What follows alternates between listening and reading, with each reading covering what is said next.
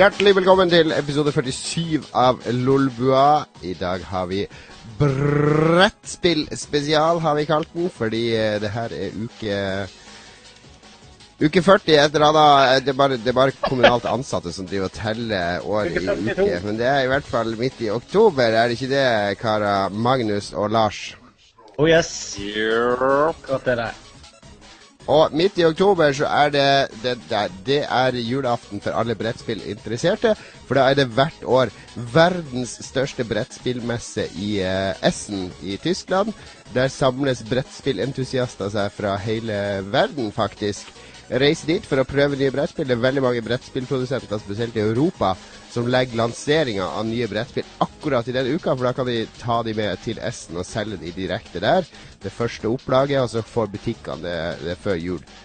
Uh, det, det, er 150 000 som skal besøke den uh, messa. Hvis ikke jeg hadde dratt, så hadde det vært 149 999, for jeg skal faktisk dra dit i år. Så Derfor har vi uh, valgt å ha en brettspillspesial. Det stemmer, og du er jo den eneste av oss som er interessert i brettspill, så det kan bli en interessant uh, sending der. Men vi skal alle, late som Alle er glad i brettspill innerst inne.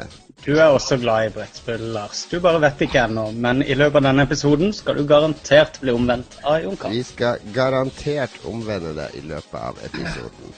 Det er i hvert fall bare oss tre i dag, og det er litt, da har vi hatt gjester mange ganger på rad. Det er, det er, det er litt sånn deilig å være uten gjest òg av og til, er det ikke det? Det er godt med en pust i bakken, er det ikke det? Mellom slagene, liksom. At vi får samla oss litt og lada opp til neste gang. Apropos late som at man er interessert. ja, er, vi, vi, er ikke så vi, blir, vi, later ikke at vi er interessert overfor hverandre. Det kan jeg garantere alle lyttere. At hvis det er noen som sier noe som kjeder de andre, så det er lite respons å få i chatten. det er mer sånn der uh, jeg holder på å miste jobben, sier Lars, og så er det litt sånn her Oi, jeg må vel skrive det. Nei da. Vi, vi, er glad i hverandre. Vi er glad i hverandre. Men det er, det er gøy å ha gjester. Vi har mange gjester lina opp uh, fram mot jul. Uh, vi skal ikke røpe for mye om det her og nå, men når jeg og Magnus var på den der berykta festen som vi brukte halve forrige program med å snakke om, der vi også hadde Emil som gjest, som vi møtte på den festen, så ble jeg jo approacha av flere som, eh, som, eh, som, nærmest krevde å få være gjest eh, i nær fremtid. Det er som David Letterman. ikke sant? Alle vil dit for å ha standup, starte karrieren sin. Og det er sånn som vi gjør. Vi setter i gang mange karrierer. ikke sant? Hvem er det, vi, hvem er det du, hvis du skulle se på deg sjøl, sammenligne deg sjøl med den amerikanske talkshow-himmelen, med alle de som holder på eller holdt på der, hvem er det du sammenligner deg mest med da, Lars? Uh, jeg ville gjerne sammenligne med Min favoritt er jo han Craig Ferguson. Han, uh, ja, han som har det skjelettet? Ja, han har et skjelett, og så har han sånne puppets. uh, men han liksom, han bare gir litt faen. og det, det er litt morsomt. Han prøver ikke for hardt. Ja, han er ikke skjelettet, men han Craig Ferguson er morsom. Du er Craig Ferguson. Enn du da, Magnus? Jeg tror nok jeg er mer en sånn Opera-person. Opera? Nei da. Uh, ja, jeg føler det. Jeg gir de gode livsrådene og har en solid moralsk linje som jeg, som jeg, formidler til alle våre lyttere en gang i uka. Og jeg setter veldig mye standarden når det kommer til hvilke bøker folk leser og åssen underholdning nå er, nå, Det er ikke ironi eh, Det er ikke ironispesial i dag. Så jeg er også styrtlig og uh, ja. Jeg gir bort biler lett over en lav sko. Takk for den. Ja, du, vær så god. Vær så god. Du får en ny en nå til uka, faktisk. Jeg har jeg tar, uh, hvis jeg skal velge en i den amerikanske talkshow-himmelen, så tar jeg en litt sånn uh, Kanskje ikke høyest oppe. Han, Andy Richter han, eh, han kan jeg gjerne si. Han er jo en av verdens morsomste menn på Twitter, og han er jo veldig morsom i Conan O'Brien-programmet òg. Ja. Ja. Definitivt. Nå Fins Conan O'Brien ennå? Jeg har liksom ikke sett det. Det går, det er fortsatt han eh, Det, går, det er vel på uh, Turner Broadcast eller noe sånt, så det er ikke på en av de store. Men han eh, Det, det, det har rulla og gått i et par år. De viste det vel på Max i Norge for et år siden. Noe sånt. Jeg vet ikke om de gjør det lenger. Men, det, er, det, er, faktisk knallbra nå. Ja, de har jo de tar, Han blir sånn gaminggreier. De har jo en Anoid Nei, ikke Annoyed Gamer, det er en annen tulling. Clueless. Clueless. Clueless Clueless ja. Gamer.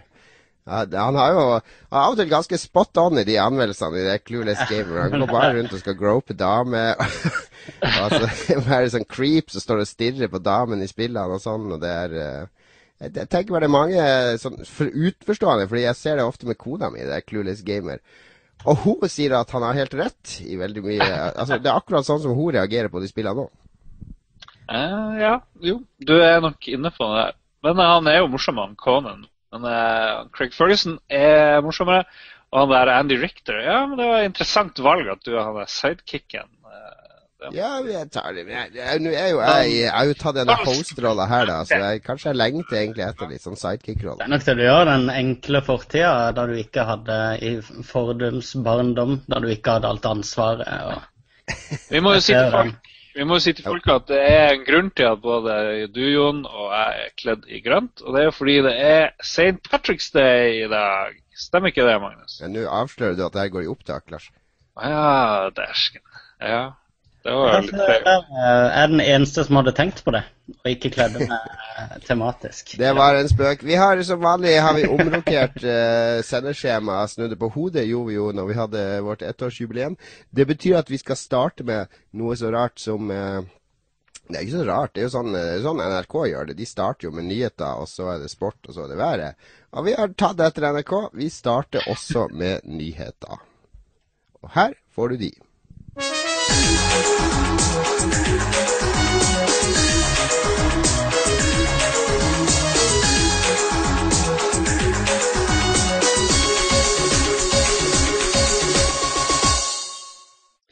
Drive Club-erstatning. Evolution Studios utelukker ikke at gamere kan få erstatning for den latterlig dårlige launchen som gjorde at fans måtte i køsystem for å få lov til å spille online. Gratisversjonen av spillet ble også trukket pga. Sonys valg om å kjøre all nettrafikk gjennom en Commodore 64. det var morsomt. Ja, hvem var det som skrev den? Det var jo uh, Craig Ferguson himself. det var, det var Craig-humor. Det er stjerne i valgen på Lars. Hadde de brukt en Commodore 128, så hadde den launchen Det var stjerne i valgen på Magnus. Var, nå, nå begynner det å bli morsomt der. En til Opera. ok, ja, men uh, det har visst vært Vet du hva, jeg har, jeg har, faktisk ikke spilt Drive etter lansering. Jeg spilte det masse masse før for jeg skulle anmelde det. Og det her er jo sånn her, uh, typisk sånn anmelderfelle. Den der som Polygon uh, på sin eh, hvite, høye hest prøve prøver å, å, demme opp for, der de begynner med å gi SimCity 9,5 av 10. Og da, la oss ta det ned til 4 av 10, for nå virker ikke serveren. Ok, nå kan vi ta det opp på 6 av 10, for de har fjernet en funksjon. Det, jeg har ikke kapasitet til å sitte og justere mine anmeldelser sånn, men det, det fungerte jo i hvert fall knirkefritt når vi bare var et par hundre stykker på de serverne. Så, så det var veldig synd at det kollapsa når alle skulle spille. Ja. Nei, og om det blir noe erstatning. Eller de får kanskje en bil, liksom. Eller de får et, Bare en sånn gratis DLC som egentlig skal koste to pund. Ja, men det er jo greit. Bare et eh, PlayStation 1-spill. Valgfritt PlayStation 1-spill på, ja, på PSP. Jumping Flash, eller hva det heter. Nei, det må være det, det, det, For det er jo online-krav på det spillet. Eh, du må være online, akkurat som Destiny. Ja. Da, da, hjelper det jo å ha testa det grundig eh, online, eh, vil jeg jo tro. Som sånn første. Ja, for det, det var egentlig veldig overraska over når Destiny kom. så Bortsett fra at jeg ikke hadde preloada og installert det, så jeg måtte sitte i tre timer og vente ved midnatt. Så fungerte jo serverne veldig bra, eh, mm. helt fra første sekund. Det var et par eh, serverbrudd eh, første tolv timene, men men de var jo superstabile med tanke på hvor sinnssykt mange spillere som kom inn. Jo, men uh, Det var veldig stabilt i starten, og så har det bare datt ut mer og mer, egentlig. Ja. ja nå er det mer PSN som er trøbbelet for deg, da. Ja. ja, men det er på Xbox også. Det er masse problemer. Folk blir kasta ut hele tida mens vi spiller. Ja, ja. Um, er det sånn det, Thomas ble kasta ut ganske ofte helt til han åpna nattinnstillinga. Ja, det har ikke med det å gjøre. Vi har vært gjennom det. Um, men eh, de har veldig ofte sagt at uh, vi jobber med problemet på Twitteren sin osv. Det virker som det er noen problemer i den. For at spillet insisterer på å gå innom Bunchie sine egne servere for å hente der de har en database over all spillerinformasjon og sånt. Det ligger ikke direkte på live. Og jeg tror det er der problemet ligger. For det, det har som oftest vært både PlayStation og uh, Xbox som har blitt ramma på likt av det der. As we speak akkurat nå, så har jeg to kompiser som har klagd til meg om at de ikke kommer inn på PSN. Det er noe sånn her eh, authentication-greier. Og det er folk som har helt nye PlayStation. Jeg vet ikke helt hva det er som, eh, som ja, skjer der. Akkurat nå så jobber også folk med å finne vennene sine på Xbox Live, som har vært nede i snart et døgn, den vennlista. Noe Microsoft jobber med. Så det er jo Det var mye bedre før, når ikke de maskinene var på nett, var det ikke det? Ja, Nei, det var jo helt klart ikke det. right. Nei, men Drive Club har uh, oppstartproblemer. Det er uh, meget synd. Uh, Lolbua har sendt et par startkabler i posten til Evolution Studios, som prøver å få, få starta disse serverne igjen. Oh, oh, oh. Den var god. Nå er vi on fire, gutta. Ja, ja.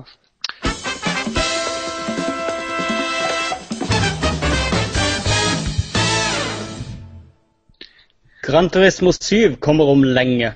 Polyphony overrasker ingen ved å utsette forventa lanseringsvindu fra slutten av 2014 til 2000 eller 2016 for Gran Turismo 7. Studiosjef Yamauchi hevder at det er mye lettere å utvikle for PS4 enn PS3, og at planene er å lage et spill som både er veldig Gran Turismo, og som skal inneholde alle visjonene studiet en gang hadde for antiklimakset Gran Turismo 6.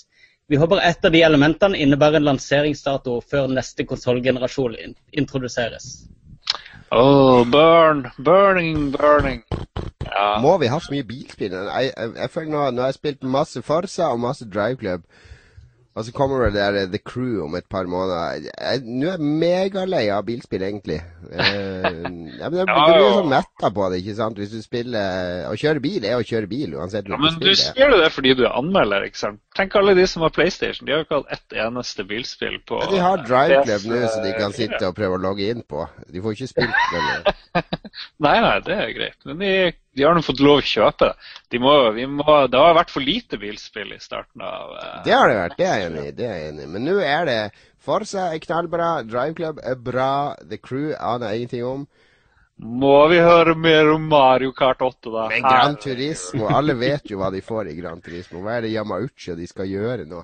Tror du virkelig at det kommer et Gran Turismo 7 som er, som er et sånn digert kvantesprang fra sekseren? Ja, ja, tror det. Altså, Skulle ikke sekseren være det der kvantespranget, da? Hvor lang tid brukte de på det? Seks år, eller noe? Det, det var femmeren, det. Og så kom ja, sekseren, som bare mer var sånn 5,5. Ja, riktig. Men tenk på Grand Turismo 1 til 2. Var ikke det på PlayStation 1 til PlayStation? Og det var et stort sprang. Det var jo helt sinnssykt. Det var ganske stort. Ja. Men siden da så har det gått i rykk og napp for det. Jo, det største, det største Gran Turismo-opplevelsen de siste ti årene er jo å kjøre bil på månen, liksom. Det er, det er dit de har havna nå. La oss ikke lage kompliserte skademodeller og bilvrak eller biler som går rundt, eller stuntbaner eller whatever. Nei, la oss kjøre månebil. De har blitt til Call of Duty. Ja, jeg tror, jeg tror de Jeg vet ikke. Jeg håper de brenner for det de gjør fortsatt. Ja, jo, jo. Nei, det er vel vanskelig å brenne skikkelig for det når du er liksom i syvende utgave, og de to siste har vært litt sånn ah, mottagelse, og du holdt på å liksom gå på veggen med, uh, med et av de, og det er, det er liksom jeg, jeg, jeg, forstår det i så fall hvis de har mista litt gløden akkurat nå, altså. Men jeg tenker, det studio må jo være drevet på en helt merkelig måte. Det kan jo ikke være fokusert på å få ting ferdig og konkretisert og sånne ting. Fordi det virker som de bare gjør putte inn det de har lyst til. og Det er litt sånn som uh, Valve, egentlig. De gjør det de vil. De vet at de skal lage det her spillet en eller annen gang. eller Blizzard. presser de inn ting og kaster ut ting og gjør ting halvferdig osv. Men jeg vet ikke om du husker i forkant av femmeren, da, så var det jo veldig eh, Altså i begynnelsen av utviklinga, da snakka de jo veldig mye om dette med at ja, Sony har gitt, eller har gitt uh, Polyphony carte blanche. Og um, de trenger ikke slippe spillet før de føler at de har et 100 ferdig spill. Da. Carte blanche er veldig dårlig idé. Du må ja. aldri gi en utvikler carte blanche. Jeg tror ikke det fører noe godt med seg. Utrolig mange gode eksempler på at det er en dårlig idé. Stephen King, vet du. Stephen King, King skrev verdens beste skrekkbøker på starten av 80-tallet. Og så ble han gigasvær. Og så begynte plutselig han å bli større enn sin editor. Så da han editoren som da kutta manuskriptene hans fra sånn 1200 sider med bullshit til 700 sider med fokusert skrekk. Han torde ikke lenger å gjøre det, og da ble de her bøkene hans altfor svære og fulle av daukjøtt og, og kjedelige. Så, så, du må stramme inn. Du må holde den kreative sjela Du må holde den litt på sånn leash. Ikke la det gå helt amok. Helt enig. Det stemmer.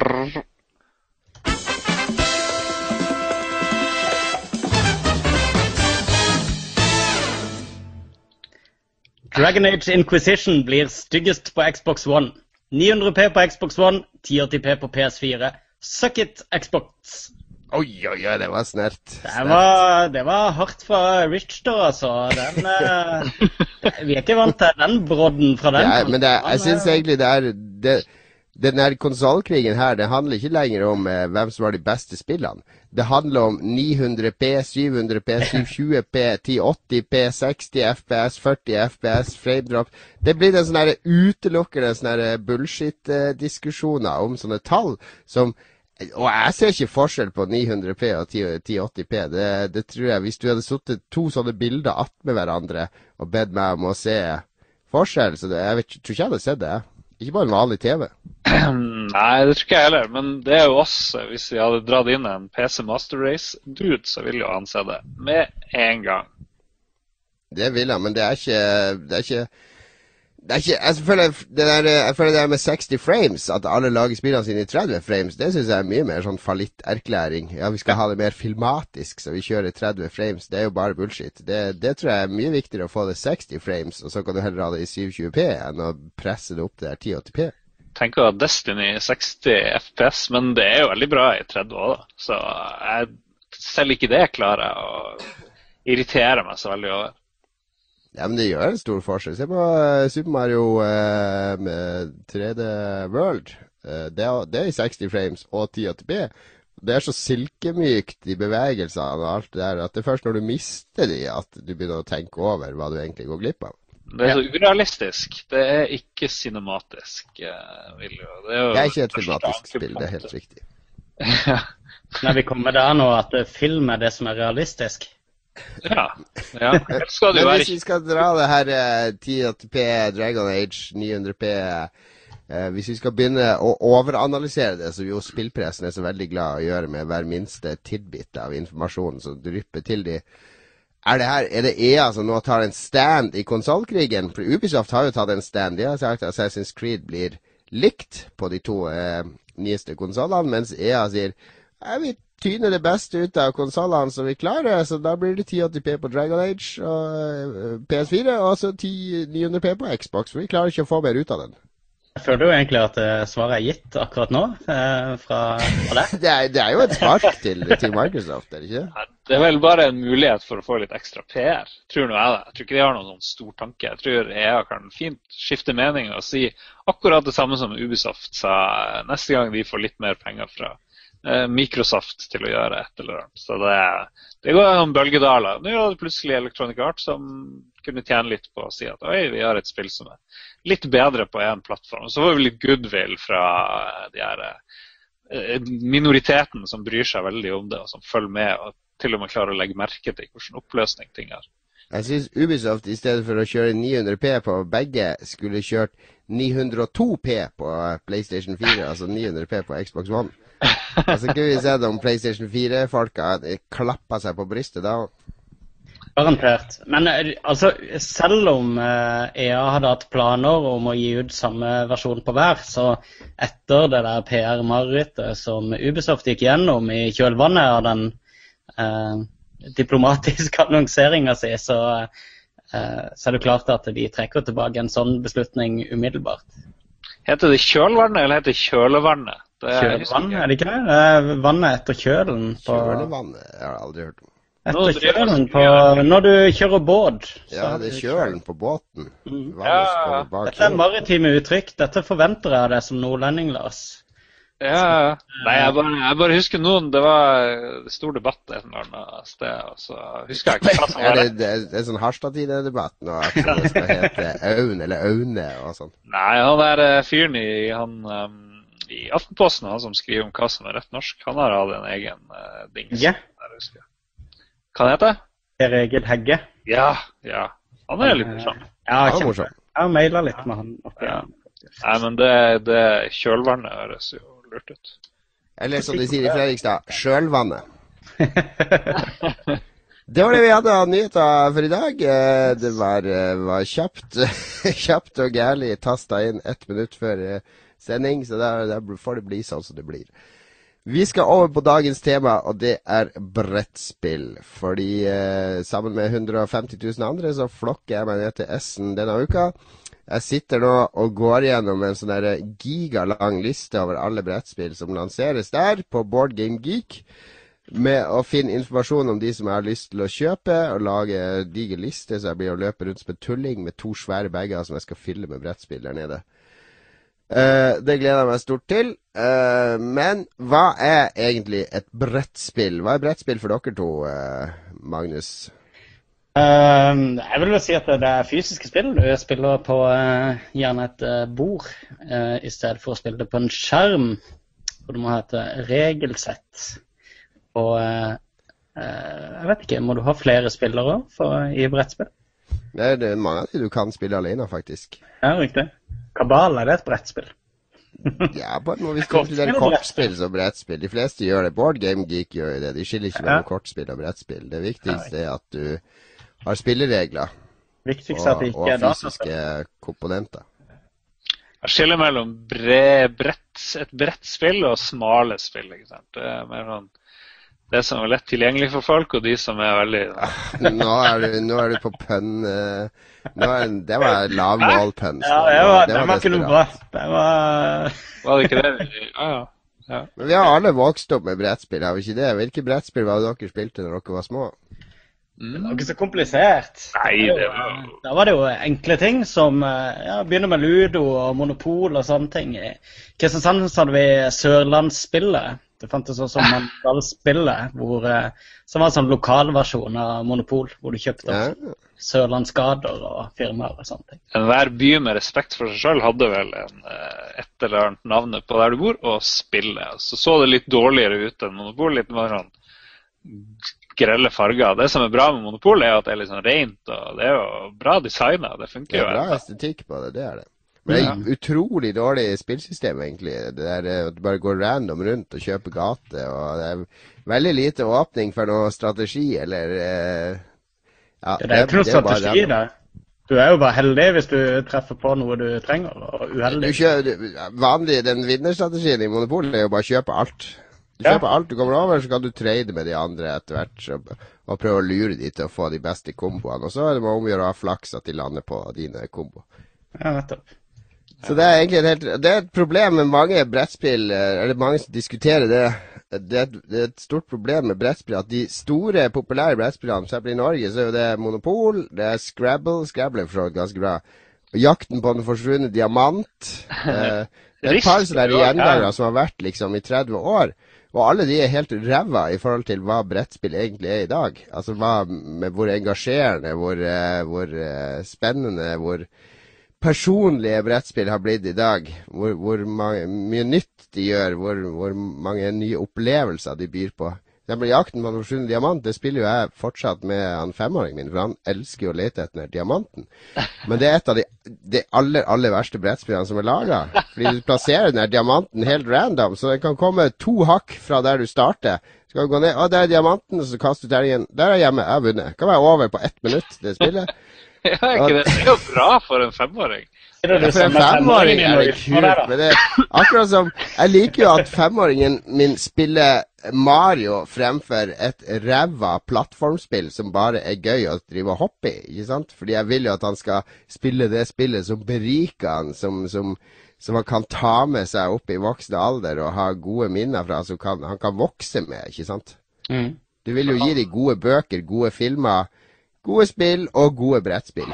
Det er min filosofi. Men vi vokste jo opp med disse møkkaspillene, og eh, Uh, og nå sitter vi her og kan masse om uh, andre spill, og har jo hatt en, en grei oppvekst. Ja, jeg elska brettspill da jeg vokste opp. Det var, det var, det kuleste jeg visste. Det var morsommere enn dataspill. Jeg husker da vi besøkte bestefar i Ringgata i Harstad. Der hadde de oppi et skap oppe på tanta mi sitt eh, gamle rom fra når hun var pike på 60-tallet. Så var det en bunke brettspill fra 60-tallet. Det var et Donald Duck-spill, og det var et par andre sånn helt sånne spill som var helt fremmed for meg. og det var helt det kuleste med brettspill da jeg var lite, det var spillbrettene. Det var sånne svære kart, og, og, og spesielt hvis det var sånn kort å trekke, og sånne hendelseskort og sånn. Jeg elsker å sitte og lese de og se på kartene og lage sånne historier rundt hele scenarioet og sånne ting. Så brettspill var, var fin sånn portal inn i fantasiens verden, og det, det er det for så vidt fortsatt. Ja, jeg husker jeg spilte mye med min farfar etter et sånt politi- og røverspill som, eh, som, jeg kunne bestemme reglene i, sånn at jeg alltid vant. Det var veldig populært. Da var jeg ikke så mm. gammel.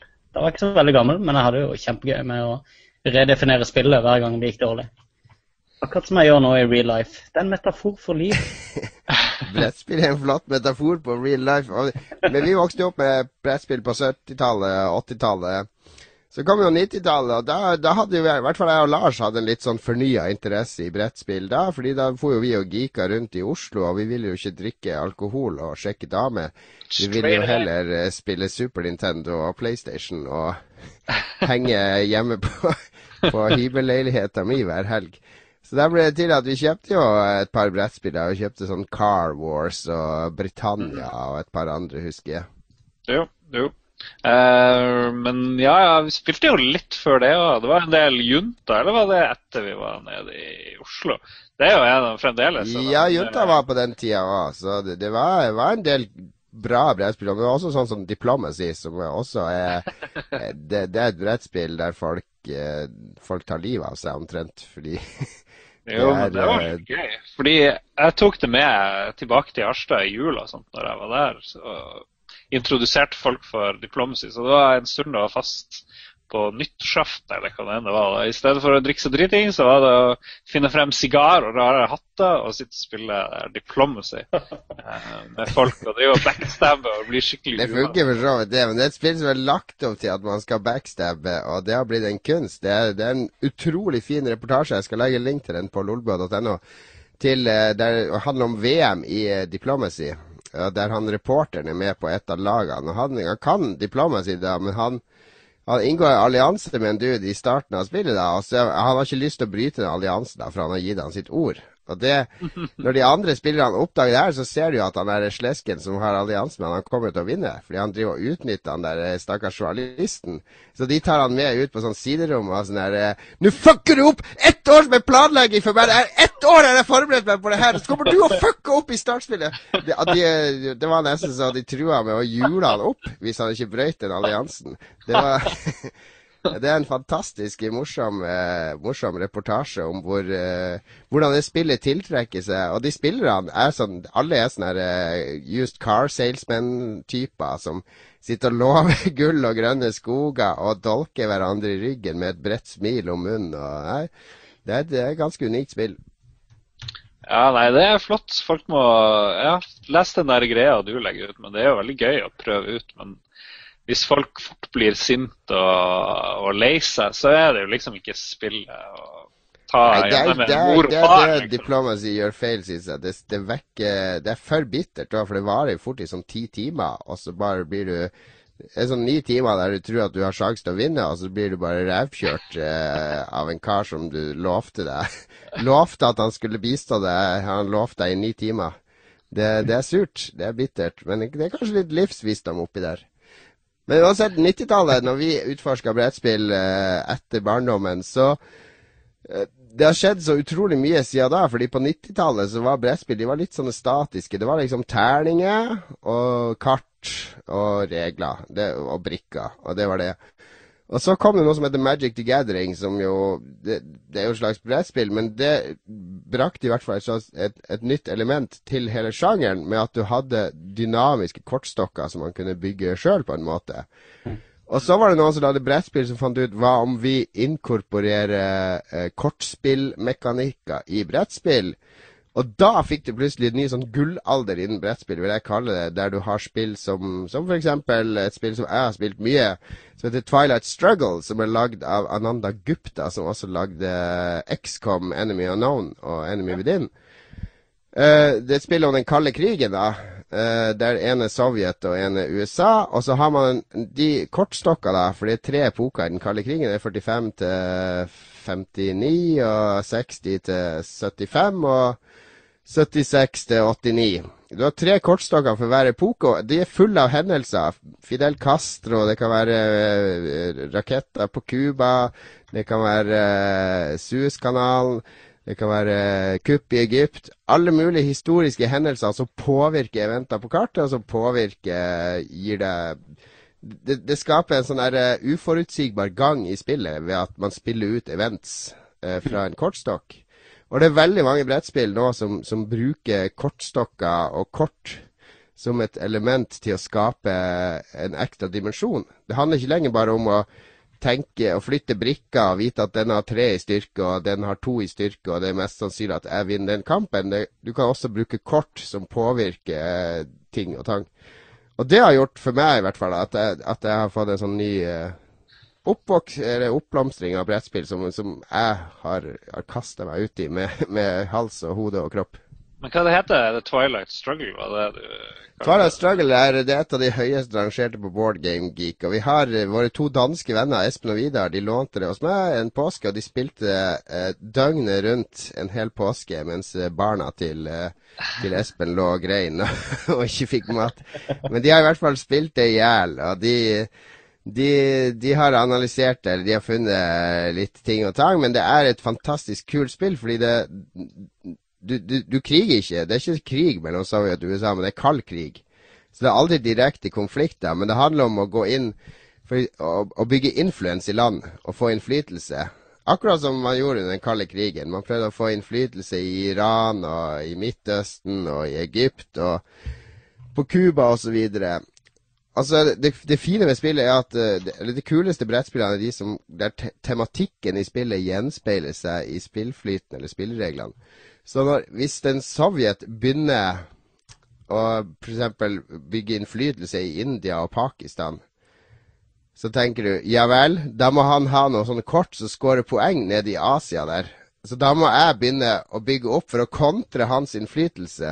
Det er akkurat som i den kalde krigen. Hvis man så at USA holdt på med noe der og der, så sendte Sovjet agentene sine dit for å finne ut hva som er på gang, og prøve å kontre det som skjedde der. Du får en sånn paranoid stemning hele tida, der du sitter og følger med på motspilleren samtidig som du prøver å lage dine egne planer. Det er utrolig, utrolig sånn elegant laga.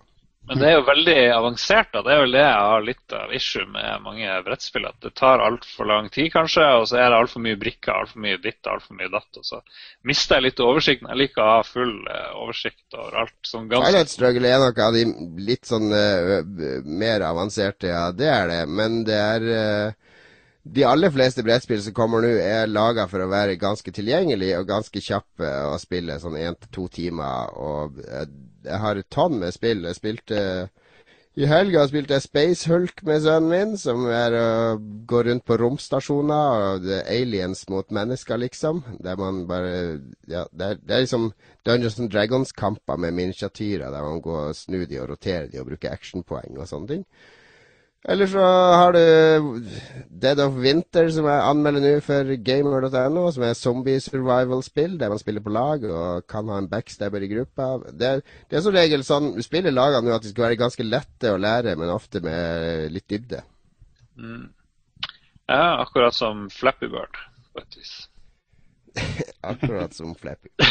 Nei, men mine favoritter Eller jeg, jeg, spiller jo stort sett bare nye brettspill når jeg er på den geniale hytteturen. Og da har jeg jo testa ut det her uh, Citadel, syns jeg er morsomt.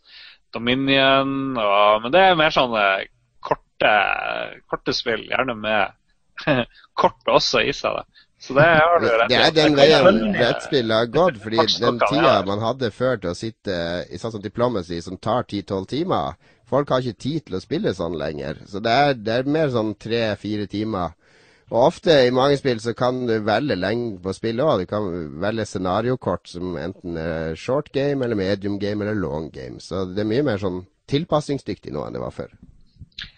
Uh, tror, du, tror, tror, folk vet mye om uh, det her Bananrepublikk-spillet vi nevnte så vidt? Jynta er ganske kjent, ja. Det var vel borte fra markedet ganske lenge. Det var umulig å få tak i det. Og så dukka det vel opp for ikke sånn kjempemange år siden. Det var nok noen sånne social justice warriors som klagde på denne dårlige fremstillinga av eh, mellomamerikanske land. Men det er jo veldig gøy, fordi det er jo mer sånn humorspill, da, egentlig du sitter og er Alle spillerne er generaler i en sånn her bananrepublikk, og så er det én som er eh, president. Og så har han sine karer. Han må liksom finne noen han stoler litt mer på enn andre. Eh, eventuelt bestikke dem, sånn at det lønner seg for dem å støtte deg litt videre. Og da har du liksom sikkerhetssjefen, men han kan plutselig eh, assassinate presidenten, eller hva det enn det var, eh, hvis han føler for det. Så har du den dårligste posisjonen, som var eh, kystvaktsjefen og sånne ting. Så da er det bestandig noen som er veldig bitter fordi de ble av kystvaktduden eller noen andre. og så eh, får presidenten hver runde inn sitt budsjett. Han får støtte fra USA eller hva det er, og så skal han liksom snike til seg og trekke kanskje noen ut av rommet og fortelle hvor mye de skal få. Eller nei, hele runden begynner vel med at han sier ja, det har vært en veldig dårlig bananhøst i år. Det var vel det vi begynte med. Så dere kan kun få de her, her summene her, da. Så det er helt rørt. Utrolig mye jeg vet ikke, morsomme brettspill er jo kjempegøy, syns jeg. Eh, selv om det er den sosiale interaksjonen ofte ja. som er det morsomme i brettspill. Det man uh, snakker sammen og, og trash-talker hverandre og inngår allianser og, og Mens de der nye brettspillene, det er jo mye, veldig mye sånn seriøse greier. Da. Jeg får litt den der uh, Twilight Struggle-feelingen. Hvor er alle de morsomme brettspillene, liksom? Kommer det noen nye humorgreier? Eller er de mer på det her kort jeg skal kjøpe et til deg nedi Du skal få i julegave på hytta nede i Essen der som heter Lapdance. Der du er manager på en strippeklubb. Oi, oi, oi. Det høres bra ut. Det er, ja, det, er du... det er selvfølgelig tysk, tysk spill. Ja, men jeg vet ikke om det er, det er sånn Spank the Monkey og Cards Against Humanity. At de morsomme tingene er mer de her bare kortstokkspillene. Det er mulig det er Nei, Det finnes en del morsomme spill òg, men eh, er, de, er, de, er, nok litt mer lettbeint enn en Junta. Mm. Eh, det er ikke så mange morsomme spill som, som er såpass komplisert Det er ikke så komplisert Junta, egentlig, men det er litt komplisert. Men det finnes, finnes mange humorspill. Men uh, problemet med mange brettspill, i hvert fall de siste årene, er at de, veldig mange lages i Tyskland. Og tyskere har jo ikke humor. Et, et, et tysk humorspill, det det blir nok ikke spesielt morsomt. Mens amerikanerne de lager disse store, pompøse actionspillene med der du skal overleve zombieapokalypser, og eh, man skal ha gunnere og skyte og ting og tang. Så at, eh, det, er, det, er, kanskje litt lite humor. Du har rett i det. Ja. Det er en del morsomme japanske brettspill. da. Klikk-klakk og sånn, der du er pingviner som skal overleve på et isflak. og men de er lettbeint. Ikke så, sånn som uh, Junta. Men du har et som er litt i and som Junta, som vi skal spille på hytteturen i år, som heter Archipelago, som kom i fjor høst. Uh, der er vi ikke en bananrepublikk, men vi er sånne explorers. Og det her passer jo veldig bra, for det er Columbus-dagen i dag. Vi er explorers som har kommet til uh, Vest-India eller noe sånt. Vi representerer én nasjon hver dag. Vi er fem stykk. Altså skal bygge våre kolonier her. Uh, og så driver man eh, og utforsker kartet. Kartet legges ned da med sånne hekser med veldig flotte tegninger av jungel og skoger og kyster og alt mulig. Og man kan frakte folk over med båter, man kan bygge byer og, og havner og kirker og alt mulig. Og man, det er selvfølgelig mange innfødte der. Og jo mer man driver og tyner ressursene, jo mer man bygger og sånn, jo mer arbeidsledighet blir det blant de innfødte. Og når de innfødte begynner å bli sure, så kan det bli opprør, og de kan brenne ned alle koloniene. Så vi må samarbeide om å holde de innfødte fornøyd. Samtidig som vi må drive og mele vår egen kake. Så det er en masse sånn her lyging. Og, og, så kan selvfølgelig en av oss være en sånn her dissident som er på opprørerne sin side, og som egentlig vil mm. gi landet tilbake til de.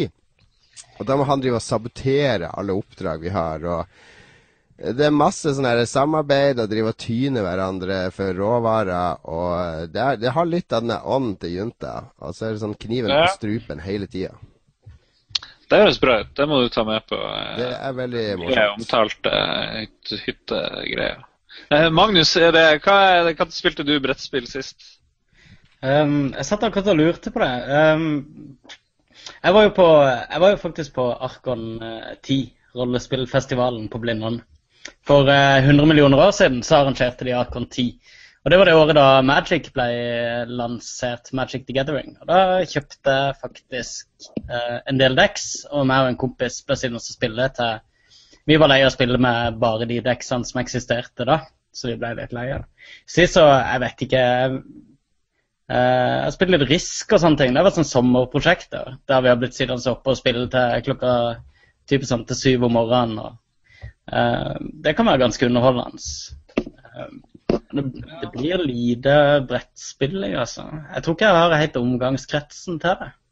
Jeg lurer på om eh, brettspillpuristene ser ned på Risk. Jeg tror det. Det kommer jo en sånn legacy-utgave. Risk er fryktelig. Men Risk Legacy er jo veldig morsomt, da. Det er fordi det er et sånn der eh, engangsbrettspill. Eh, det, det, er eh, Du kjøper, får du verdenskart og alt. Men så hvis, når du spiller første gang, så kanskje du lager en by, og da skal du klistre et klistremerke på landet der du skal med penn skrive navnet på byen. eh, altså lage noen fab fabrikker styrker og sånne ting. Altså når det er laga, f.eks., eh, hvis jeg husker rett, det, når det er laga tre byer, så er det masse sånne forsegla poser eh, som ikke er gjennomsiktige, oppi den der eh, spilleska.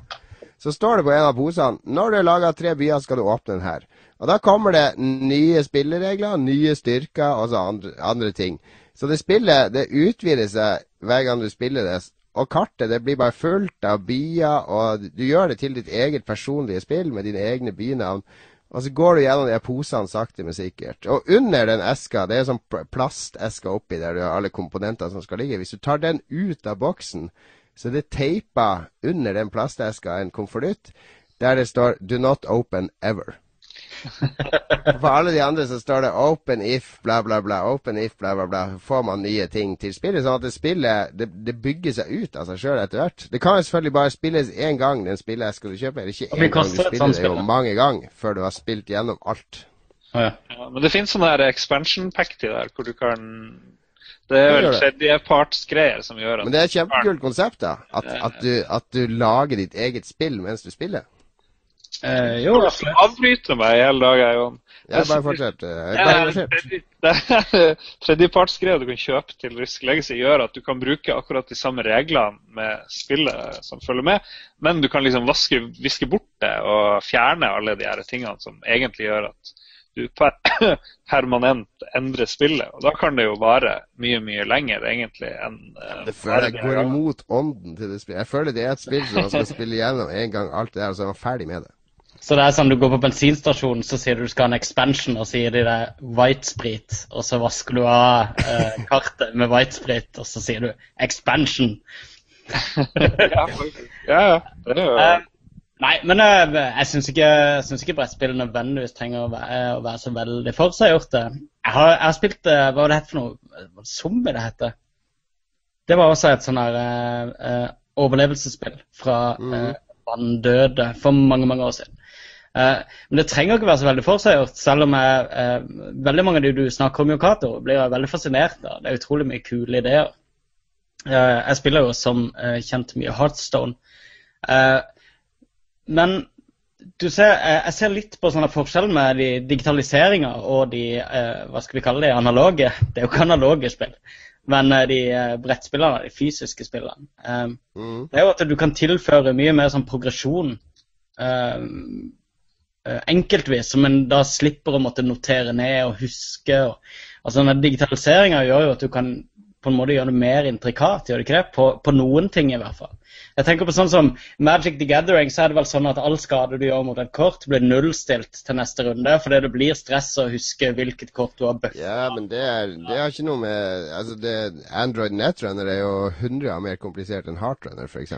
Men med Hustle. Men åssen øh, holder du oversikten over liksom sånne endringer som skjer i ethvert kort? Du kan ha damage tokens. Det, bare, det har du i masse, masse kortspill nå, ja. der du putter en damage token for hver skade på, på, en figur. Da kan du også heale de, ikke sant, ved å fjerne damage tokens. Du kan ha shield tokens. Det er masse tokens. Etter jeg spilte nå i helga, som akkurat fikk Warhammer 40 000 Conquest, som også er sånn living card game. Ja. Der har du en vanlig kortstokk, og så har du en sånn bitte liten kortstokk attmed som er sånn minion som du kan summonne. Da må du trekke fra den ekstra kortstokken. Og, ja, det er masse finurlige regler og, og, komponenter som gjør at du kan gjøre det ganske intrikat. Ja, så også de living card games, sånn som Warhammer er, og Android og sånne, er jo også spill som utvides hver måned med nye kort. Som da også av og til kommer med nye regler, som gjør at spillet ut, leve sitt eget liv, på en måte. Men det er på en måte ikke eksklusivt for, for det der fysiske. Men jeg mener, eh, med, med, unntak av akkurat den der fysiske biten med det sosiale fjes-til-fjes-interaksjonen, eh, hvor er det liksom eh, Hva er det som er den, den eksklusive greia med fysiske brettspill, syns du, da, foran de digitale? Nei, jeg har spilt mange på iPaden. Jeg føler ikke at det blir Altså, spille brettspill det er mer uh, et sosialt ritual, ikke sant. For meg så er mye av gleden det er i å sette opp spillet og rydde det etterpå. Det der å drive og, og rydde komponentene opp i posene sine og legge alt på plass, det syns jeg Når vi har hatt spillkveld her, og de har dratt hjem halv to, og jeg har satt på musikk og har en whisky og sitter og rydder opp hundrevis av komponenter oppi poser og sånn, da storkoser jeg meg. Det er perfekt perfekt avslutning på kvelden. Ja, jeg har alltid vært han som rydder. ja, men er, jeg føler meg som eh, jeg tror det, var, det, er ikke jeg som fant opp det her. Jeg tror det var i Shut Up and Sit Down eller noe sånt som snakka om det. At det der å sette opp og gjøre klart å spille brettspill når du venter på at folk skal komme, det er liksom en prest i kirka som sier å, å sette opp ting eh, eh, oppe ved scenen. Han skal ha koppen her til, til vin, han skal ha kjeksen her. Du gjør alt klart som et ritual, ikke sant? Før, før, folk kommer og man skal spille. Altså, men det er jo hele den sosiale greia som er morsom. Når jeg er på, på Outland og spiller nettrønner med den Netrunner-gjengen, så er det jo morsomt å møte dem igjen, fordi jeg vet at han spiller sånn, han spiller sånn. Han er den og den, han er veldig hyggelig å prate med, han kjenner jeg ikke så godt, osv. Det er masse fremmede. Pluss Christopher Jetmensen, som har begynt å spille der. Da. Så det er artig å møte han òg, selv om det blir litt Gamergate. Men det får da bare være. Men altså når jeg inviterer hjem til meg, jeg har jo sånn 30 stykk på sånn mailingliste, så det dukker jo opp folk som aldri har vært der før, og sånne ting. Så det, det er bare en morsom måte Altså, vi, hvordan møtes folk egentlig i dag? Hvordan møter du eh, venner i dag, Magnus? Jo, du går ut og drikker øl med dem. Det, det er liksom den eneste måten å henge med folk på. Det er å møtes for å drikke øl. Hvorfor ikke da møtes for å spille et brettspill? Det, det, det er en annen sosial kontekst å møtes i, men det er like morsomt, syns jeg. Så det, det er en, en uh, sosial arena, mener du? Den eneste måten å møte folk på, Magnus, det er å drikke øl. Sånn er det. Ja, eh, det er tydeligvis Ja, da får jeg begynne å drikke litt mer øl igjen, tror jeg. jeg begynner å skorte på venne, vennefronten. Eller brettspill, da. Hva om man drikker øl og spiller brettspill? Får du dobbelt så mange venner? Det er jo mange som gjør det òg. Det er jo kjempehyggelig, det òg, da. Men det er uh, i hvert fall etter jeg fikk unger, og sånn, så, sant, så merker jeg at hvis jeg skal ut og møte venner Vi gidder ikke gå på kino lenger. Går av og til på teater, av og til på konsert, eller så er det å dra ut og drikke øl. Det, så syns jeg bare det går an å møtes uten at man skal sitte på tilt og drikke øl, liksom. Ja. Siste brettspill jeg spilte, var Rafle på byen, faktisk. Med terninger. Teller terningsspill som, eh, som brettspill? Terningspill er uh, brettspill, ja. Helt klart. Godt spørsmål. Er det det? Vi ferdig med det. Vi har jo noen spørsmål om brettspill òg i lytterspalten etterpå. Vi har det vi har skal vi høre på litt gode Skal vi gråte litt uh, tårer og mimres uh, vår alles kjære Phil Fish? For nå skal vi høre musikk fra Fez.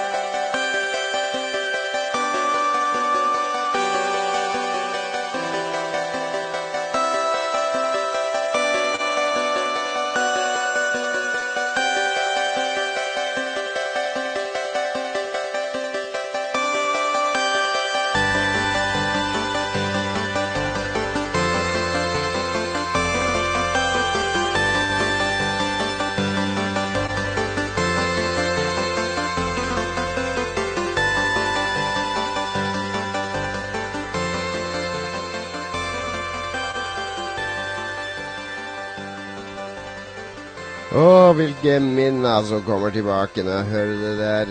Sønnen min eh, på 13 han spilte faktisk Han tok alt i Fess i, i, sommer. Han og en kompis satt i tre døgn og spilte Fess her oppe. Kult.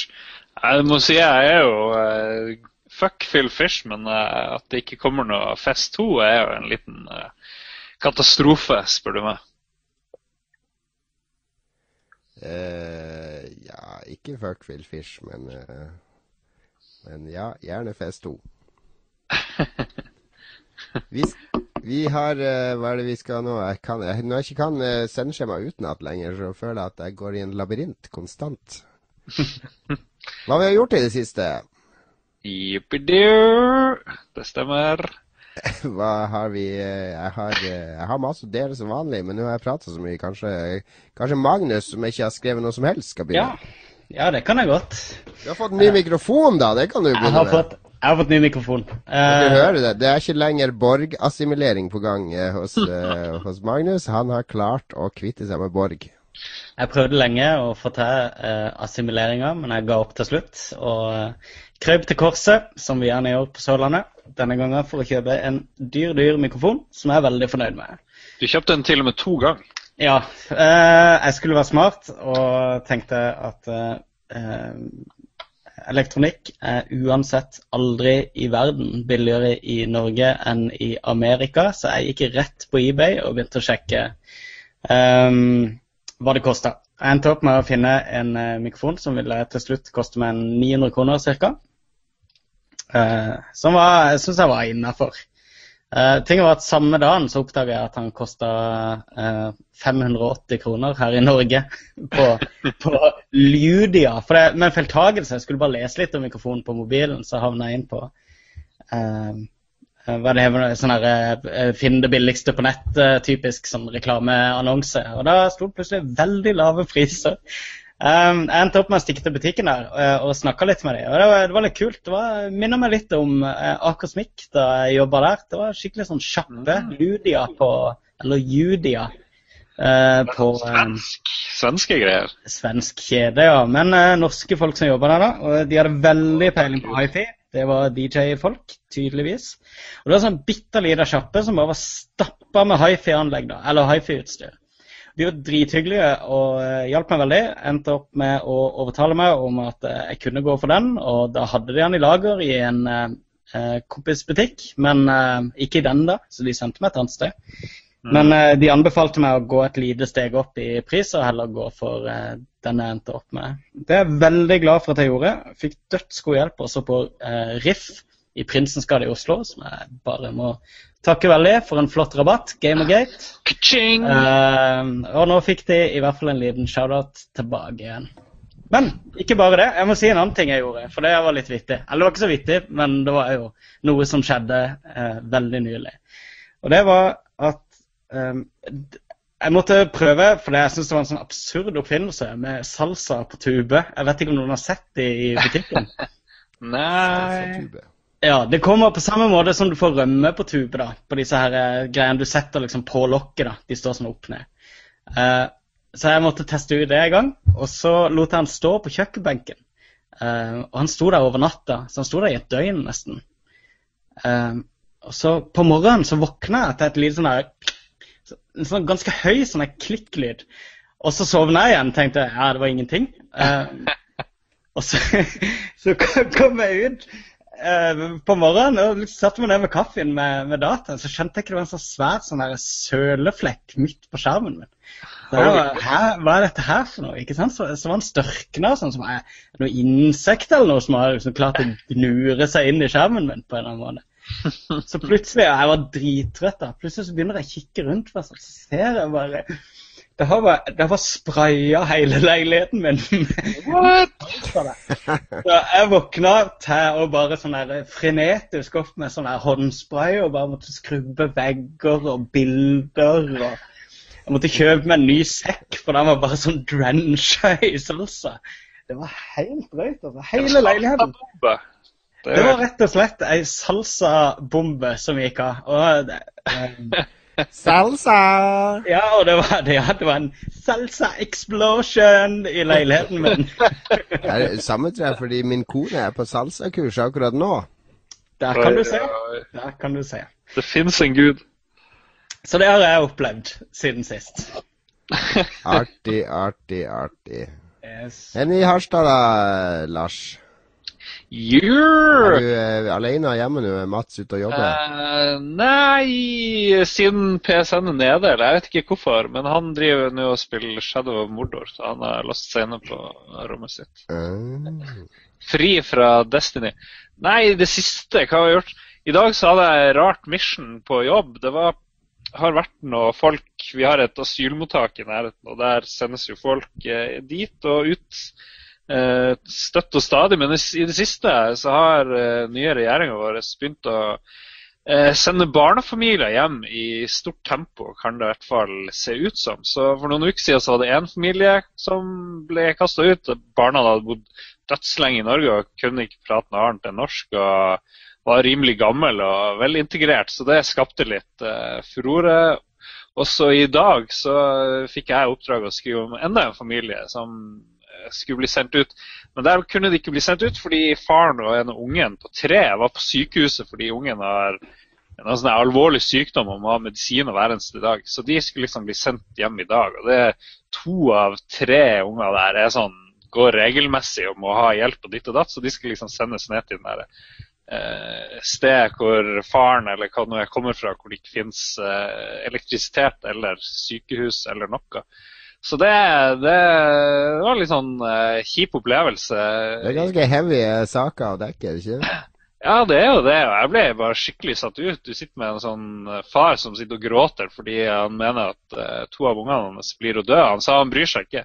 Altså, Jeg har levd i 44 år, det er lenge nok. Jeg kan godt dø. og det er helt OK, men jeg vil ikke at uh, ungene mine skal lide. og jeg har sett papirene på alt mulig, og det er masse folk som har engasjert seg. Altså, det, det, er jo reelle sykdommer, og det er reelle greier. Du har stort hus nå, kan du ikke gi dem kirkeasyl hjemme hos deg? Jeg tenkte på det, men han, de her ungene de må de inn og ut av sykehus, og det hjelper liksom ikke om de får kirkeasyl. De må jo til lege etter hvert. Men det er noen som har vært lengst av de her i familien. har vært i Norge i åtte år. Det er ganske lenge å være, og så skal du sende de uh, ut av uh, Norge igjen, altså. Jeg syns det er rimelig drøyt. Jeg skal selvfølgelig være uh, passe på å forholde meg til fakta i sånne saker, men uansett, jeg klarer liksom ikke å sitte og være objektiv og, og, ikke føle Det er mennesker det handler om, det er jo ikke tall. Ja, nei, det er jo det. Så jeg bare lurer vilt på hva er det som skjer nå. fordi skal ikke gå i veldig dybden her, men det driver og skal innføres nye retningslinjer på Stortinget, og de skal behandle og prøve å, gi, ta mer hensyn til barn i sånne utsendelsessaker. Men før det har skjedd, så virker det som om regjeringa bare kjører hardt på. Du skyller ned i dass før de innfører de nye reglene? Ja, ja. Det er akkurat det som mange mener driver og skjer. Så greit nok, forrige statsbudsjett, masse mm, skattelette til noen og enda mer asfalt hit og dit, men faen heller, det hvem bryr seg om det egentlig, hvis vi også samtidig skal drive og sende hjem eh, eh, unger som har bodd åtte-ni år i Norge, og bare for å eh, markere styrka at nå tar vi tak i innvandrings... Uh, er, er, er, ligger det en Pulitzer-pris et sted, eller hva det heter på norsk? Det heter vel ikke Pulitzer? Scoop-prisen, er det ikke det? Scoop-prisen, ja. Det blir en Scoop-pris å lure, Lars, for en engasjert ung journalist som det. ja, vi får se. Det er nå ikke det som er det viktige. Men eh, jeg ble bare skikkelig satt ut. Dagen har bare vært helt sånn her. Og det, jeg føler jo ingenting imot de her eh, voksne som sitter og gråter og lurer på hva som skjer med ungen som må ha eh, intravenøs medisin og blir sendt til sykehus masse deler av livet sitt og bare er tre år allerede. Hvordan skal det gå ned i et uh, lutfattig land hvor det er semi-borgerkrig? Det lurer jeg på. Så det er nå det jeg har gjort uh, i det siste. Det er en heavy, uh, heavy story. Veldig, veldig. Ja. Nei, så kjør på. Det kan være greit å sette seg inn i hva regjeringa gjør ved siden av å bare gi og ta penger til ungene dine som er norsk. Det kan være greit å, å, oppleve hva som faktisk skjer, og ikke tro at du får sannheten via kommentarfeltet i nettavisene. ja, nei, kommentarfeltet regel, Ja, de kommentarfeltene må man holde seg langt unna. altså. Det, du blir ikke noe godt menneske av å bruke tida di der, føler jeg i hvert fall. Definitivt ikke. Sterke ord. Ja, nei, jeg uh, har, ikke, har, ikke, vært uh, gjennom noen uh, traumatiske opplevelser som Lars. Det har jeg ikke. Jeg har derimot hatt en Det kan kalles, kalles frihelg, fordi min kone tok med de to yngste barna opp på hytte med noen venninner med deres barn. Denne helga, altså fra fredag til søndag ettermiddag, så var jeg alene hjemme sammen med min eldste sønn. Og det var Det er sånn Det er sånn Altså, man vet jo ikke hva man, hva man hadde før man ikke har det lenger. Og når vi var yngre, Lars, og bodde i Oslo og studerte og fjåsa og jobba, og ikke hadde barn og kjæreste og sånne ting, så var jo helgen var jo noe man kunne gjøre absolutt hva man ville i, men det forandrer seg veldig fort når du får barn, og det blir å finne på aktiviteter og engasjere seg og være med familie og barn, og det er kjempeartig, det. Men det å få en sånn full frihelg, det var sånn akkurat som at skru tida 10-15 år tilbake. Jeg kunne sitte og spille Destiny på morgenen etter jeg hadde stått opp i flere timer og spiste Grandis til lunsj. Altså, men så får vi ut på lørdag, da, for da skulle jeg og sønnen min eh, vi skulle lage hjemmelaga burger. da. Og så kjøpte jeg høyrygg og kjøttkvern. Så nå har jeg en splitter ny elektrisk kjøttkvern. Og jeg kverna høyrygg og laga burgere, og vi bakte burgerbrød fra scratch. Lagde skikkelig gode burgere. Så vi hadde en veldig sånn fin helg. Og det, det er litt sånn Små unger, de, de, suger energi ut av det. Det her sier jeg, jeg elsker ungene mine overalt på jord, men små unger i barnehagealder, de suger energi ut av det fordi at de har så utrolig mye energi sjøl. Og du må mm. drive og holde dem tilbake, og du må styre dem, og du må hjelpe dem å kle på seg, og du må koordinere dem og de, du må rydde etter de, at du blir dreina for energi. Så når du hadde en helg nå uten små unger, så hadde du sånn enormt overskudd med energi. Så får du rydda i en bod, jeg får rydda i hagen, jeg får fiksa mat. Jo, masse ting som jeg ikke har, vanligvis ikke har energi til. Så det, det var veldig sånn frisk, forfriskende opplevelse. Bra. Og så er det jo i dag, må jeg nevne, har jeg jo sett uh, Walking Dead. Sesong fem har jo begynt. Og det er min Det er litt sånn guilty pleasure-serie for meg, fordi jeg hater jo egentlig sesong to og tre av Walking Dead. Det, det syns jeg er så utrolig kjedelig. Men, men, så har jeg bare sett på av gammel vane, da. Eh, sånn i lunsjen min og sånn. Fordi det er en serie som, som kona mi ikke orker å se på, så da kan jeg, okay, da kan jeg se på den. Altså Plutselig, i slutten av sesong fire, så tok det seg noe helt sinnssykt opp. Da ble det plutselig, i stedet for å være såpeoperaen som det har vært i tre sesonger, så ble det noe sånn, sånn gritty, ekkelt, eh, rørende fælt. Og, og, så får vi se om de fortsetter med det nå i sesong fem. Får håpe det. Ok. Uh, har du sett noe særlig på det, Magnus? Jeg har bare fått med meg litt av sesong én. Ja. Jeg har lest um jeg har lest de første 110 uh, tegneserienumrene, tror jeg.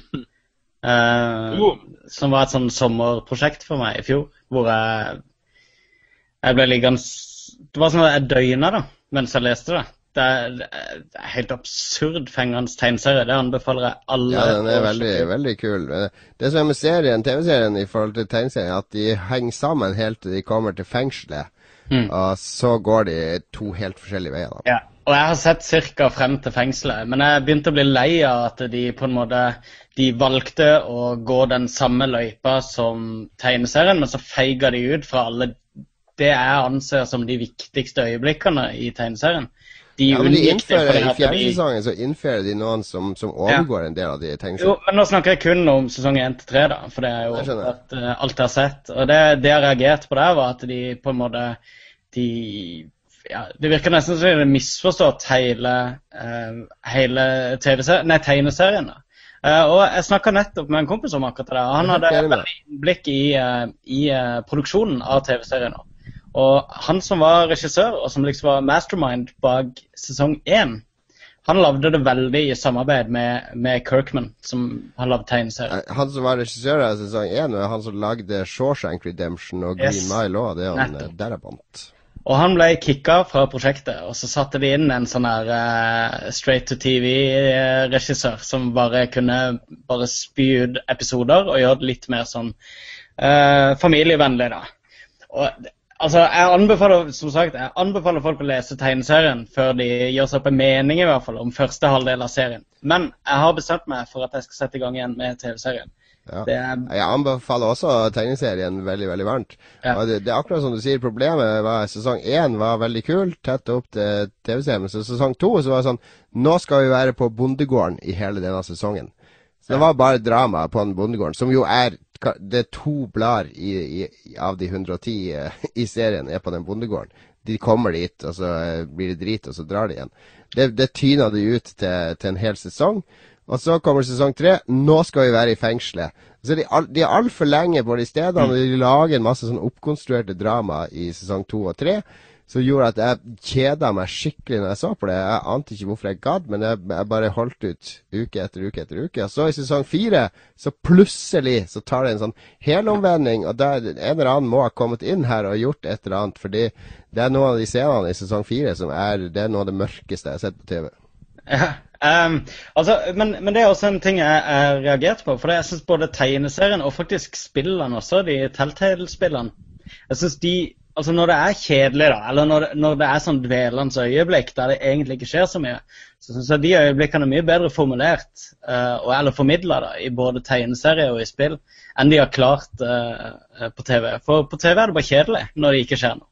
Ja, du sier jo bare sånn Get on with it. Men, men i, i uh, de to andre da, to andre mediene så er det veldig mesterlig eh, formidla. Men når det er sagt, jeg lover å se mer av eh, TV-serien og bare pine meg gjennom eh, Nei, hva du sa i sesong fire så begynte det å bli ja, bra? Sesong altså? fire, det begynner å ta seg opp. Ja, jeg tror jeg hoppa av i slutten av sesong tre. Da, da var det nok. Ja, det passer bra. Ja. Yes, nå, nå, begynner vi å kjede våre lyttere òg med, med sosiodramaet rundt Walking Dead her. Kanskje vi skal snakke litt om dataspill for en gangs skyld i denne sendinga? Ja, ja, ja. ja, ja. Greit. Har vi spilt noe i det siste?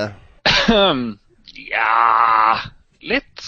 Spilt Vault of Glass. Det er jo uh... Det er ikke et spill. Vi driver jo og leverer anmeldelser til, til lokale nyhetskilder der oppe. Du må ha spilt noe annet enn Walt of Glass. Tydelig at du ikke har lest At ikke du har spilt spillene du anmelder, Lars. Ja, nettopp. Der ble det avslørt. Busted! Gamergate. Gamergate. Yes. Nei, jeg snakka jo forrige uke om det jeg hadde spilt, så nå må jeg begynne å spille. Det er jo bare mandag i dag, så jeg har jo god tid å spille. Var det, okay. på fredag. Men eh, ja, jeg spilte Drive Club, og det snakka om forrige uke. Men eh, jeg syns jo det er greit å nevne Walt of Glass, som jo er det store raidet i Destiny. Mm. Eh, noen er sikkert kjempelei det spillet, men Walt of Glass er liksom eh, det her raidet som kan ta Det tok ti timer å klare for de første som eh, prøvde seg på det. Og da jeg spilte det på normal vanskelighetsgrad, så tok det to timer og noe å komme gjennom med en gjeng som var ganske, ganske beinhard. Vi var to stykk, meg og vår venn eh, Thomas Heger. Var med og spilte det med masse, masse erfarne karer. Så drev de og forberedte oss på taktikk på hvordan man skulle gjøre det her på hard.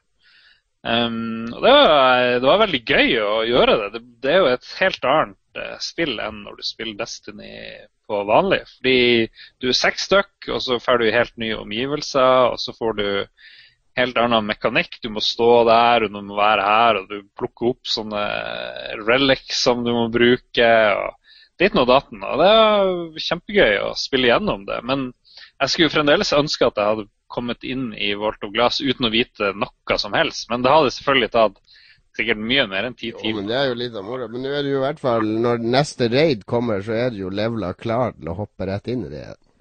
Jo, jo da. Og så så gjengen fra Giant Bomb prøve akkurat det samme i går. Og de var Jeg kan fortelle at de suger ganske hardt i å spille det her eh, Destiny. De brukte vel syv timer eller noe sånt. Jeg bare så en halvtime da de drev og styrte på. Og det var skikkelig sloppy, sloppy spilling de her eh, såkalte ekspertene presterte. Så, og de har vel òg slakta det her Destiny ganske hardt. Han der Jeff Gerstman sa vel da han fikk en kul gun på slutten av raidet at var kult, nå fikk jeg en gun jeg aldri kommer til å bruke. Så de er jo blitt så bitre, de her Giant Bomb-folkene. Ja, det er kjipe, kjipe folk. Jeg vet ikke om de er kjipe, men de er bare sykt bitre. Det er liksom ingenting er gøy og ingenting er morsomt. Er, alt skal kritiseres og rives i fillebiter. Men hvis noen har sjansen Alt skal kritiseres. Hvis noen er over level 26, tror jeg det er, eller noe sånt, så lag en gruppe. Vi har jo må igjen drive reklame for gruppa Spilldate med Lolbua på Facebook. Lolcrew. LOL-crew. Spilldate med LOL-crew. Deg der hvis du spiller, spesielt hvis du spiller Destiny, for det er vel bare det det snakkes om der inne nå. Uh, ja, det trenger folk ja. å spille med. Greia er vel at det skal være for alle mulige slags spill, men akkurat nå så er det folk som finner hverandre for å gjøre ting i Destiny. Og Spesielt hvis du spiller Destiny på Xbox, for der er det tydeligvis behov for for folk. Det er sterkt behov, fordi min 13 eh, år gamle sønn har i hele helga prøvd å komme seg med på Walt of Glass. Men det har ikke vært nok folk i den gruppa som har kunnet. Uh, uh, så det har vært vanskelig å få til. Men, uh, men nei, bare meld dere inn hvis dere trenger folk å spille med. Mm. Ikke bare til Volt of Glass, men Daily Heroic eller Weekly Heroic eller Nightfall eller Absolutt. Absolutt. Jeg har spilt uh, De har spilt uh, mer Skylanders, det har jeg gjort. Altså, jeg har spilt Project Spark, men det skal Magnus få lov å snakke litt om. Men Jeg har også spilt uh, Bayonetta 2, som jo er uh, kjempe, kjempe, kjempe, kjempe, kjempeartig. Og ganske vanskelig. Jeg er ikke sånn veldig god uh, third person brawler-spiller, uh, for jeg bruker å finne den ene komboen som funker. Og så holder jeg meg til den i resten av spillet med litt dodging og sånne ting. Mens her så må man faktisk variere ganske mye. Men det er briljant oppbygd fordi du blir eh, Altså Bajonetta 2, for de som ikke kjenner til det, det er et spill med en uh, heks som kjemper mot uh, himmelske uh, engler. I en slags absurd, halverotisk setting. Denne gangen er det venninna hennes som er blitt kidnappa til helvete, og hun må redde henne. Så uh, du reiser til et fjell i uh, Østen og begir deg ut på et uh, eventyr. Og det er, det er, så utrolig smooth. Det er 60 frames per sekund, som vi snakka om tidligere. Det er så utrolig smooth kampsystem. Det er så utrolig flotte de animasjonene, de overgangene mellom de animasjonene når du slåss. Og det er også et spill der du kan button-mashe en del og kommer deg videre, men som har en enorm kompleksitet og dybde, hvis du har lyst. Uh, ja, men Det er et spill som jeg, som jeg, sitter og gliser når jeg spiller hver gang. Jeg er nesten gjennom hovedspillet nå. Og jeg driver og spiller kapittel på nytt fordi at det skjer så mye kult i det. Det er så mye kule kamper. Det er så mye jeg har lyst til å prøve ut med, med våpenkomboer og, og, andre komboer og, og utstyr og sånn. Hm. Du har fått sinnssykt god kritikk, ser jeg. Ti i Edge og ti her og ti der. Ja, jeg, er, jeg er helt oppå der og snuser, jeg òg. Fordi det er rett og slett uh, så utrolig deilig å spille. Det er sånn sinnssykt fin flyt i det. Uh, sånn presis kontroll. Og den dodge-mekanikken Hvis du dodger helt riktig, ikke sant, så får du sånn der witch time. At tida går litt saktere i to sekunder og sånn. Det, du kan lage sånne vanvittig pene komboer med, med den der dodginga og åpne opp og få dem til å floate opp i lufta, og så ruller du bort til neste fiende osv. Det er liksom det, det er ingen sånne der, Ofte i sånne brawlers der det er flere fiender, så blir det sånn at der, du angriper ikke han du hadde tenkt å angripe uh, fyren din, eller han du styrer, henger seg opp på feil fiende og mm. slår han i stedet for han. Det, det, det er nesten aldri sånn, sånn trøbbel her. Pluss at det er en sånn exploring-del som er ganske kul. Det er svære områder og utforsker masse kister og oppdager og hemmeligheter og ditt og datt. så Musikken er bra, grafikken er topp. Uh, han, uh, Produsenten fikk jo spørsmål på Twitter How does it feel to develop Bayonetta 2 for an inferior console? Hvorpå han svarte How does your mother feel about her inferior son? Akkurat den holdninga gjennomsyrer litt av spillet òg, så, så, nei, det er nok en, nok en grunn til å ha VU. Ja, det er ganske stressende, de her bajonetter. Jeg tenker sånn uh, Devil May Cry. og det er liksom, Du må være på han hele tida.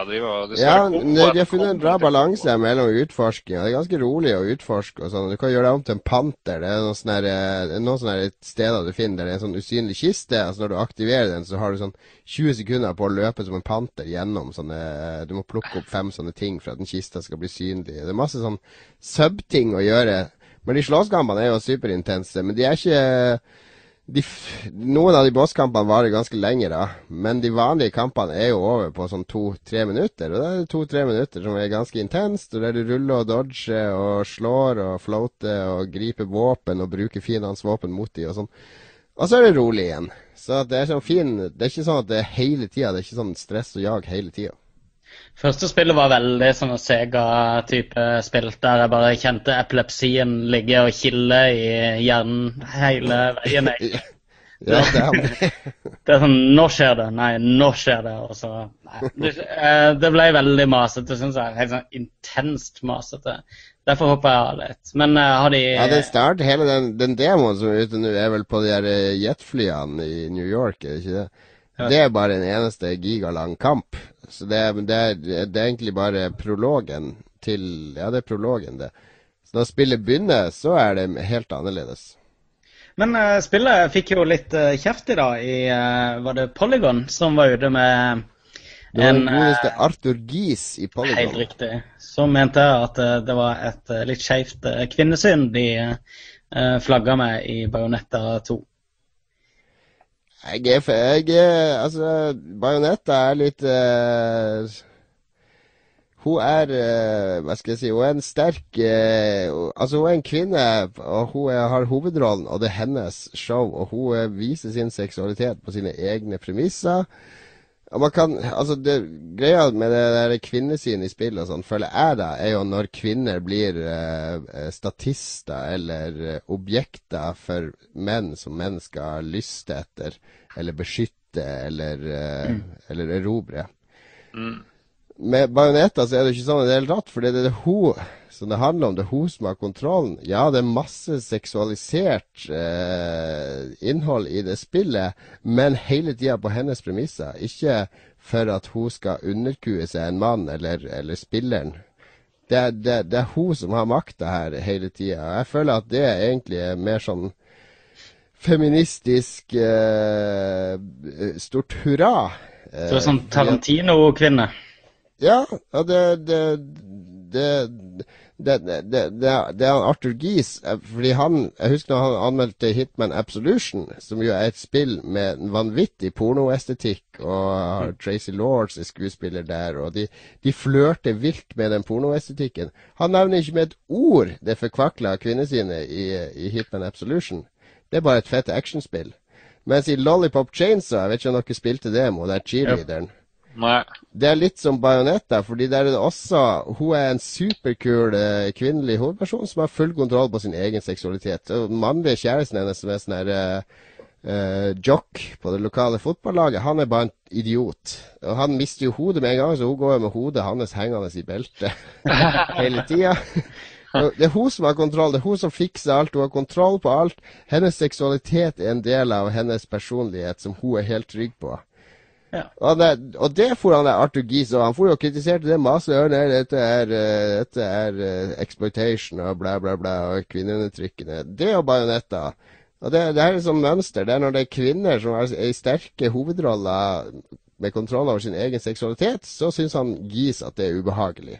Og det her er jo noe som har vært en sånn diskusjon, eller det er jo en sannhet lenge, at, at menn syns det er ubehagelig at kvinner tar kontroll over sin egen seksualitet.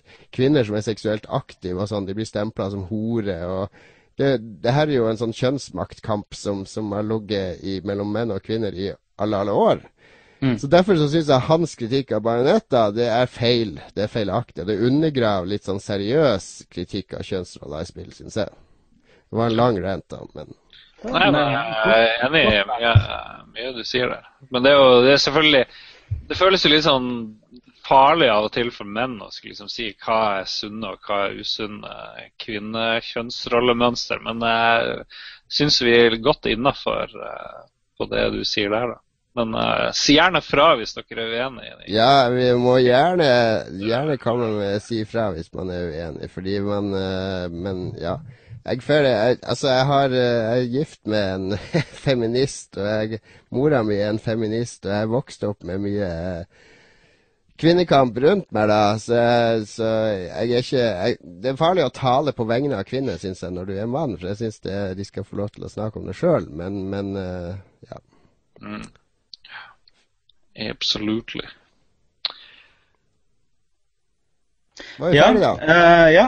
Skal, du har Project Spark, uh, Magnus. Ja, det har Hør litt om kvinnesynet i Project Spark. Kvinnesynet i Project Spark er upåklagelig. Det, um, det, er ikke noe kvinnesyn i det hele tatt, eller noe herresyn. Um, så langt jeg har kommet i det, i hvert fall. Jeg har vært litt borti verdensverktøyet på Xbox One som heter Project Spark. Jeg har ikke testa det veldig mye ennå, men jeg, jeg har eh, frest litt gjennom tutorialen, og så har jeg lekt meg litt i, i etterkant.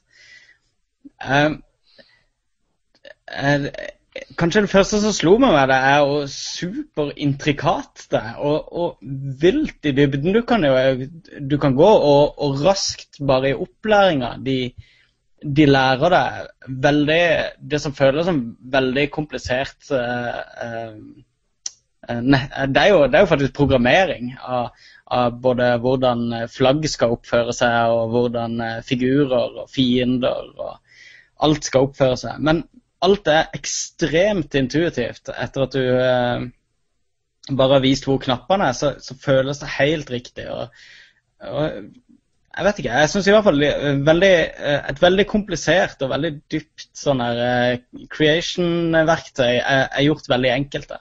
Uh, det er masse potensial.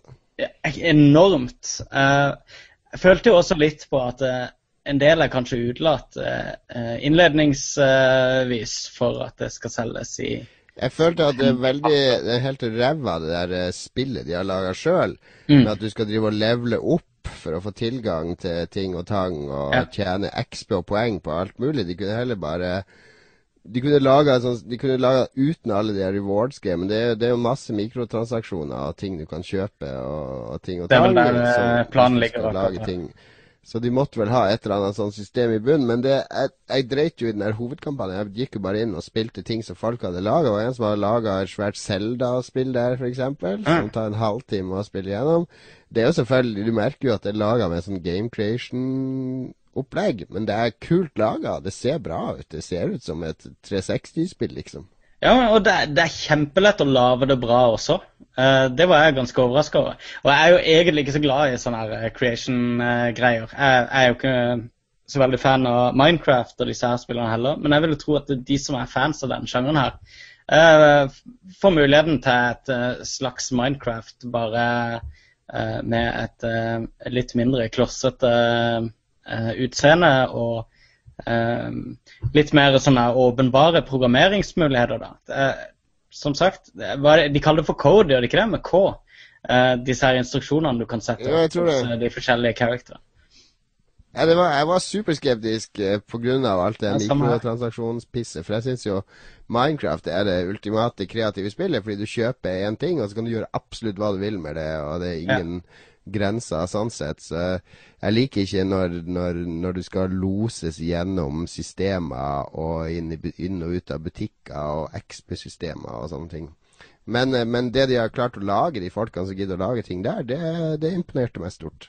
Ja, jeg ble sittende på Twitch eh, ganske lenge etterpå og se på andre sider og, og lage ting og kommentere. Og jeg lærte veldig mye å se på, men det var så gøy å, å se hvor ufattelig forskjellig folk tenkte når de satt med det samme verktøyet på hva de hadde lyst til å lage. For det, som du sier, noen vil bare kopiere, eh, kopiere noe de har spilt, mens andre bare mm. får umiddelbart tusenvis av ideer på å lage sine sånn drømmescenarioer og, eh, og småspill. Så, ehm, ja, eh, Overraskende underholdende, men jeg får se hvor lenge jeg orker å sitte og knote med det. For jeg, er litt for sånn um, jeg, jeg, trenger litt mer underholdning underveis. Så Du skal lage Lolbua-spill før jul? Vi må helt klart ha et Lolbua-spill klart. Lolbua-spill coming soon på via Project Spark. Du hørte det her først, selvfølgelig. Hvor skulle du ellers hørt det? Den er sagt. Eh, vi tar en kort musikalsk pause, og så er vi tilbake med siste del av sendinga, der vi skal eh, svare på veldig, veldig mange flotte spørsmål fra våre lyttere. Inntil da så skal vi høre på den godeste DJ Yoda, som rapper om hvorfor eh, han er litt lei seg over at Sega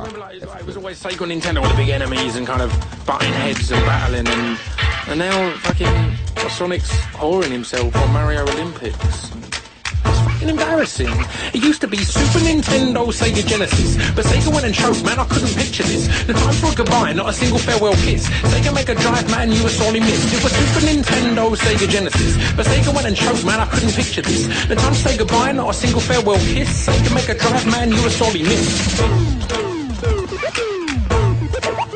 It was all a dream. I used to read Games Master magazine. Patrick Moore and Double D up on my TV screen. And there were just two consoles. At least two that were real, yo, fuck the Neo Geo. And I grew up on the plumber side, the Mario brother side. Where staying alive was no jive. Without many cells, my man bounced on many shells. And raised hell in many wells. Many. I was all about the Super NES. Mario 3, yes, it truly was the best. Gary, Joe and me, man, we played it to the death. I always got a mushroom from the magic chest. That turtle with the boomerang, could never hit me. I'm looking at you, go, set the fuck up off my back see. I grab a leaf and I'm defying gravity. Storming the castle like the fucking French cavalry. King Cooper, made you look. You're a slave to a page in my cheat book.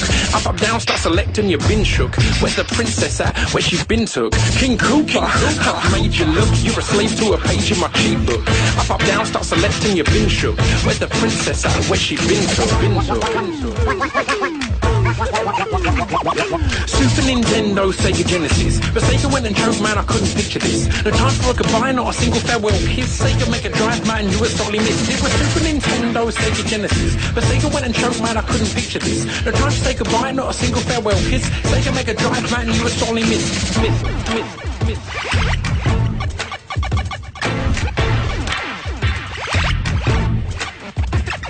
My friend James Cosgrove, he sported Sega. Sonic and Tails out getting into danger. I couldn't be swayed, nah, I remained a hater. I couldn't be down with a hedgehog wearing trainers. But all the same, you gotta love the competition. Made everyone work harder, pushing their position. Sega with the upstarts, Nintendo with the elder. Donkey Kong, Super Mario Kart, Zelda. Sega kept shaking up Nintendo's world. Earthworm, Jim, Toe Jam, and Earl. They even took it darker with Streets of Rage. Kids on their screens bashing heads for days. It started to contend, man, it really was a close thing. But then they dropped off at a speed that was insulting. But why the fuck are the fans revolting? Three words echo the dolphin. Dolphin, dolphin, dolphin,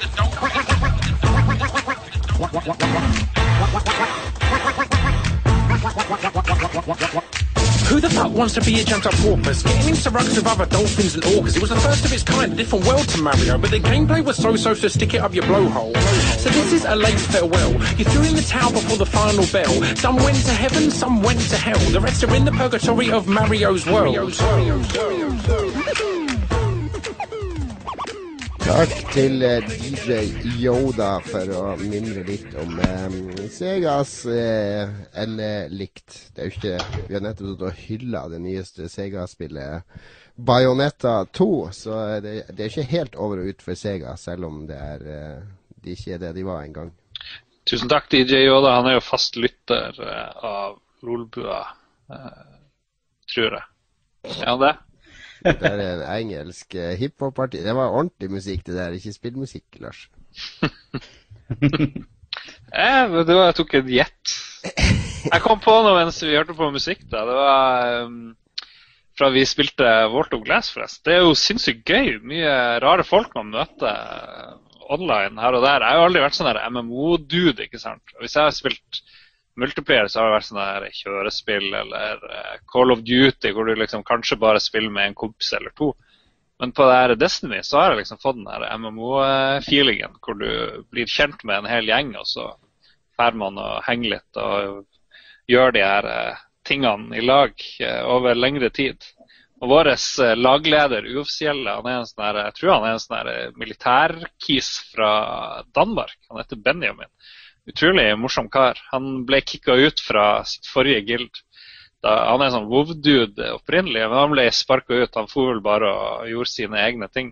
Men nå har han blitt veldig flink sånn kommandør for uh, Walt of Glass-gjeng. Uh, så først så var det tydelig at han prøvde å være litt høflig og si ok, to bør gå dit, to bør gå dit, og to bør stå der. Men så gikk det litt tid, og da var det bare OK, Lars, du og han Nuben der, dere står der borte. Pass på uh, monstrene dit, og så resten gjør Det var litt sånn å være i militæret igjen, høres det ja, ut Ja, det var bedre enn militæret, for i militæret så var det jo bare små drittunger som for bossa der rundt. Han er Benjamin han har skikkelig peiling. Så jeg ser frem til at han blir en sånn her Colonel Kurtz. Og bare blir mer og mer maktsyk og stikker til jungelen med sin egen lille tribe. Og så må Martin Sheen sendes inn for å drepe han og sånne ting. Et eller annet der. Ja. All right, all right. Vi har masse lytterspørsmål, Lars. Nå er det din spalte. Nå tar du kontroll over programmet. Jeg overlater all kontroll til deg. Eller ikke alt, fordi vi skal jo ha vår vakre bakgrunnsmusikk. Ai, ai, ai. Ja, velkommen til Nattønske. Vi skal ta beskjed fra lytterne våre til alle trailersjåførene der ute. Og første melding kommer fra Terje N. Madsen. Du må snakke litt fortere hvis vi skal bli ferdig før middag. Og Terje han vil gjerne høre mer om Radcorp-konspirasjonsteoriene våre. Hva slags konspira Har vi konspirasjonsteorier? Nei, Gusta er svensk. Ja, ja. Og Red Tonight-barn og jeg vet ikke. Vi må, det blir jo mer spontant når vi kommer med Vi regner jo med at vi kommer Fordi jeg så at Red Crew har jo sånn der uh, sommerfest uh, og sånne ting. Jeg regner jo med at vi blir invitert neste år. Og da mm. kan vi kanskje grave opp en del dirt. Ja, og så er vi inne i det penthouset han uh, Alexander Hakstad har tatt over. Han har sikkert drept de som bor der, egentlig, og har en sånn noen lik i hagen. Så det gleder jeg meg til å komme på besøk. Grave opp lik i hagen i Stavanger. Vi skal komme på besøk med et kritisk blikk og avsløre all korrupsjon, møkka bak, eh, bak Red Crew. Det her, jeg tror Red Crew kanskje er de, de Hvis det blir avslørt der, så kommer de på topp på Gamergate-media eh, i Norge. Ja, og så tror jeg de har noe sånn krisemøte. Jeg lurer på om de er konkurs. Eh, det er jo krisemøte i dag, så vidt jeg har skjønt. Tror de er konkurs etter at de betalte 500 000 for Lolbua. Som vi brukte på klær, grønne klær, eh, denne uka. Nettopp. Eh, ja, det, var, det kommer mer, kommer mer konspirasjoner, Terje. Ja. Um, ja. The andre Dal sier at eller han lurer på om hype til spill kan få journalistene til å tro at spillet er noe annet enn det faktisk er. At man rett og slett ikke forstår spillet, eller at det bare er dårlig. Han tenker på Destiny sammenligna med Shadow of Mordor. Eh, er vi lurt til å tro at Destiny er bedre eller dårligere pga. hypen? Jeg tror veldig mange anmeldte Destiny ut ifra hypen, eller ut ifra hva de trodde de skulle få. Ja. Eh, det så vi veldig i begynnelsen, for det var veldig mye sånn sjekklisteanmeldelser. Eh, der de var sånn Ja, men dette er jo liksom ikke eh, Kristi tilbakekomst som PR-ansvarlig i Activision hadde lovd i media. Um, det er klart det. Eh, altså, Spilljournalister er jo eh, mennesker, de òg. Og det er jo sikkert en del lar seg rive med eh, på hypen. Vi har snakket om dette mange ganger når det gjelder dette her med uh, Metacritic. Åssen uh, veldig mange spillutgivere manipulerer uh, de mm. første, første, karakterene som kommer på Metacritic. Nettopp for at, at dette skal være med og kanskje være med og påvirke i hvert fall noen anmeldere til å gå, gå, opp en halv karakter i stedet for ned. Så. Men jeg tror nok mer det handler om ikke at man blir revet med, eller, eh, eller, at det er så lite hype at man blir overraska. Jeg tror mer det handler om Spesielt amerikanske anmeldere føler jeg er mye mer satt i, i, sjangrene sine, og at de de føler seg ukomfortabelt med en gang de kommer ut av komfortsona. Men Destiny er et godt eksempel, fordi det var ikke et nytt Halo, og det er ikke et nytt Borderlands. og det er, det er noe helt annerledes enn alle de. Men også et spill sånn som Alien Isolation fikk jo en mye dårligere mottakelse i USA. Fordi det er ikke en first person shooter. Det er ikke det er ikke rent horrorspill som Resident Evil. Det er, det er en annen type opplevelse. Og da er mitt inntrykk er i hvert fall at amerikanske anmeldere har mye større problemer med å tolke ting som er nytenkende og, eh, og kreativt, og som uh, ikke følger etablerte konvensjoner. Det er nok riktig. men Jeg er ikke helt enig i at eh, det gjelder for Destiny. Men dette er jo en krangel vi har hatt uh, mange ganger før, så vi trenger ikke gå i dybden på den. Neida. Er vi alle enige om at USA suger og stinker et dårlig land? Nei, det er et fantastisk sted å besøke. Det er, må du ikke glemme den flotte E3-turen dere hadde nå. Ja, det stemmer. Ja, ja, ja. Men, altså, men hype er jo også noe som jeg, jeg Jeg følger jo veldig lite med på hype på spill. Jeg ser lite trailere, bortsett fra hvis jeg må, eller jeg ser ikke på skjermbilder, jeg leser ikke previews ofte på ting jeg skal anmelde. Men jeg kjenner fortsatt når jeg får et spill eh, kanskje to uker før lansering, før alle andre, et storspill som jeg vet skal være stort, når jeg setter meg ned og spiller det, så er det veldig det er ofte veldig spennende og gøy å sitte her og, og få lov til å spille det her før alle andre. Og man kan bli drevet med av den følelsen at, uh, at det må være kult, siden de har sendt det til meg så tidlig, på en måte. Ja, mm. riktig. Um, men han mener vel også at, eh, at forventningene til hva det er, faktisk, uh, blir litt forma av hypen også? At eh, det er det Jo, jeg, er jo av den oppfatningen dette ødelegger jo for alle de spillene. Sånn som Watchdogs og Assassin's Creed og alt mulig annet, der du får servert 30 trailere før spillet kommer. Hvis du sitter og ser alle de trailerne, det er sånn tre-fire timer med footage fra spillene. Ja. Så, så, har du bygd deg opp et bilde av hva den opplevelsen skal være, som ikke kommer til å stemme overens med hva det faktisk får ja. servert. Men så har du dette Shadow Mordor, da, som kom liksom av en eller annen grunn kom veldig overraskende på folk. Selv om det har vært snakk om ja, for det. er jo et spill som folk ikke gadd å følge så tett med på.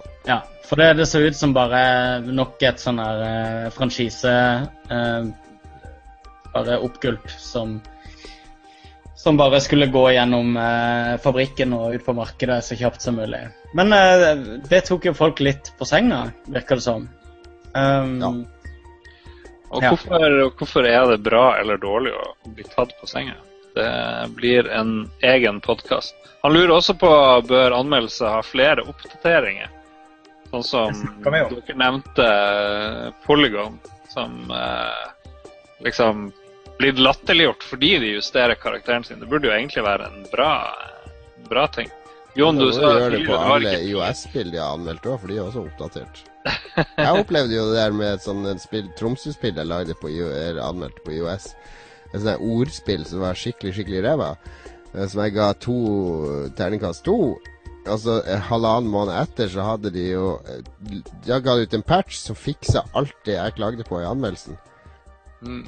Men jeg kunne ikke gå tilbake i Aftenposten sin papirutgave og endre det. Nei. Det var ikke Wordfeud? Nei, det var Jeg husker ikke hva det het lenger. Det var skikkelig ræva av sånne ordspill.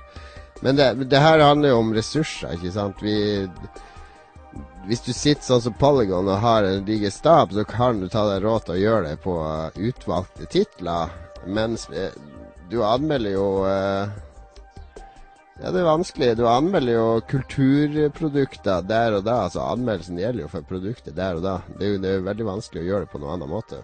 Jeg syns i MMO-spill så er det lov å, å revurdere litt uh, hva spillet har blitt uh, i, um, i, sammenheng med en expansion som kommer. Da ja, på MMO-spill derfor er det to måter å anmelde de på. Det ene er eh, en slags eh, reiseguide. Du vet, Hvis du skal finne et sted å dra på ferie, så leser du litt sånn reiseguider om, om, byer og land og sånne ting. Og finne et fint sted å reise til. Det, det er en helt legitim måte å anmelde et MMO på når det er nytt. Du spiller det i 30-40-50-60 timer, kommer deg så langt du kan, og så sier, forteller du litt om hvordan den opplevelsen var. Og så har du den der eh, seriøse MMO-anmeldelsen, og det er ikke en reiseguide, det er en flytteguide. Er dette et land du kunne tenke deg å flytte og bo i? Og Da må du vite mye mer om landet. Det er ikke bare en ferie. Da skal du ikke bare dit i noen timer. Da skal du dit i mange år. Da kan du ha en mer sånn utrolig grundig anmeldelse av eh, endgame og alt mulig som skjer. Jo, men samtidig så er det sånn som med World of Warcraft, da, som altså Selv om du bare spiller fremdeles eh, level 1 til 60, og du kun spiller det egentlig i eh, oppstartsbyen som du kunne spille i 2004, så er jo opplevelsen helt annerledes nå. Altså, ja, derfor kan du lage sånne halvårlige reisebrev fra, ja. fra f.eks. fra MMO-et. Der man uh, oppsummerer hva som har skjedd siden sist, hvordan det er nå, hva som er bedre, hva som er verre osv. Det går an. Men det er det jeg også mener, men nå kommer jo faktisk tilleggspakker ganske eh, årlig også til disse spillene her. Um, men det er i hvert fall en mulighet. Hvis ikke en da skriver disse reisebrevene Jon Cato foreslår, så er det også en idé å Ja, men ny an Jeg føler det blir lei av feil å kalle det en ny anmeldelse. Det ja, det er ikke en ny anmeldelse, men at du Reisebrev er vel egentlig fin betegnelse. Ja, men du gjenbesøker det, samtidig som du evaluerer uh, expansion. Så syns jeg det er greit å gå tilbake og snakke litt om hva som har skjedd siden sist. Ja, jeg syns på nett, og hvis det er en stor nok tittel, så er det helt greit å gå tilbake. Jeg har ikke noe imot det, men det Ja ressurser er vel nøkkelordet her, som dere sier. Og... Men så kan du også spørre deg selv, når, når er et spill klart til anmeldelse, da? Ikke sant? Skal du liksom vente til de har Først så lanserer de det, og så skal de liksom få det er Sånn som med dette ordspillet, da. Skal de da få åtte år på å finpolere det etter lansering, før de kan si nå får du lov til å anmelde det, for nå er alt på plass, liksom? Altså, det er en lanser... er en bra modell, ja. Det... Men, ja. Men idet en lanserer et spill, så har en egentlig sagt at uh, nå er det klart for markedet. Nå, det, nå, mener vi at det er klart for lansering. Og Da går det ikke an å komme etterpå og si ja, men vi var jo ikke ferdig med det. Så OK, da skulle det ikke lansert. Han uh, Pax Ghost uh, har spørsmål til deg, han som skal til Essenspiel. Hva du ser frem til, lurer han på. Han ser frem til Alchemist, Tragedy, Looper og Fields of Airy. Arie, et eller annet sånt. Har ikke hørt om noen av de her tingene. Alle de står på lista mi. Eh, bra, bra valg. Pax Ghost. Eh, jeg ser eh, Eller Fields of Arle, er ikke det det heter? Det er, det er jo han derre Uwe Rosenberg. Jeg er ikke så stor fan. Han er Han er selve definisjonen på tyske brettspill. Det er sånn der Fields of Arle, det handler vel om å gå gå det, det, høres så utrolig kjedelig ut. Skal gå og, og, og så gress og det, det, er bare sånn totalt uh, banalt uh, tysk uh, Gå og harveste ting og bygge bondegård. men han er jo en legende, Rosenberg, så jeg må jo sjekke ut det. Nei, jeg tror Jeg har akkurat begynt på lista mi over alt jeg skal sjekke ut. Jeg begynte i går kveld fordi den endelig det nytter ikke å begynne så lang tid før, fordi det folk legger til spill helt fram til de siste dagene før. Så jeg går igjennom alt nå som er annonsert, og har kryssa ut ting. Så Castles of Mad King Ludvig den gleder jeg meg egentlig veldig mye til, fordi den er laga av han som lagde Suburbia, som er sånn SimCity-spill. Og der skal man bygge sånn fysiske slott mens man spiller. Putte på rom og, og ballsal og tronsal og alt mulig.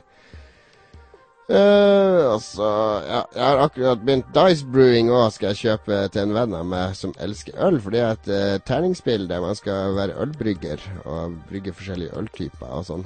Uh, ja. Og så skal jeg jo Dikke demonen. Det er jo beste spilltittel ever. Dick. Dikke demonen. Det er et spill med, med fire eller fem tråder i forskjellige farger da som man skal kaste ut på gulvet, og det blir spillbrettet. Eller på bordet. Og så skal man plassere brikker sånn på forskjellige De trådene lager forskjellige soner, da. Som man skal plassere brikker i og ta kontroll over og sånn. Det høres bare ut uh, Jeg liker sånne brettspill som har sånn utrolig enkle konsepter. Altså leke med ting som ikke bare terninger og brett.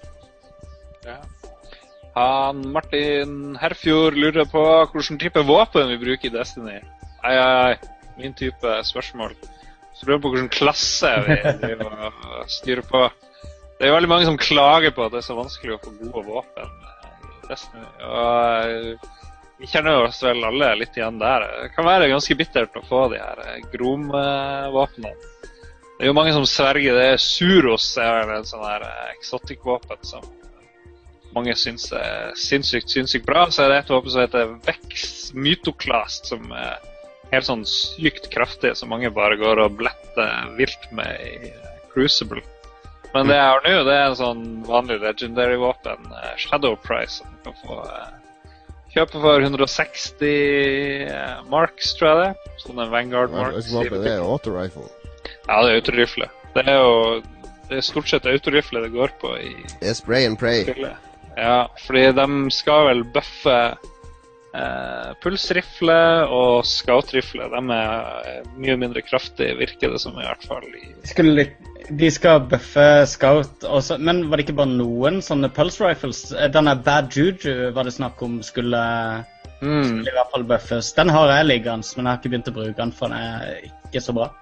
ja. Um, jeg bruker et uh, Jeg er Titan, jeg bruker sverget til auto, rifle uh, fordi det Fordi jeg har to legendary-våpen, og det er en rocket launcher og en uh, sånn der uh, sånn laserpistol som får charge. Jeg husker ikke hva det heter. Det er pulse rifle. Fusion uh, rifle. Fusion rifle. ja.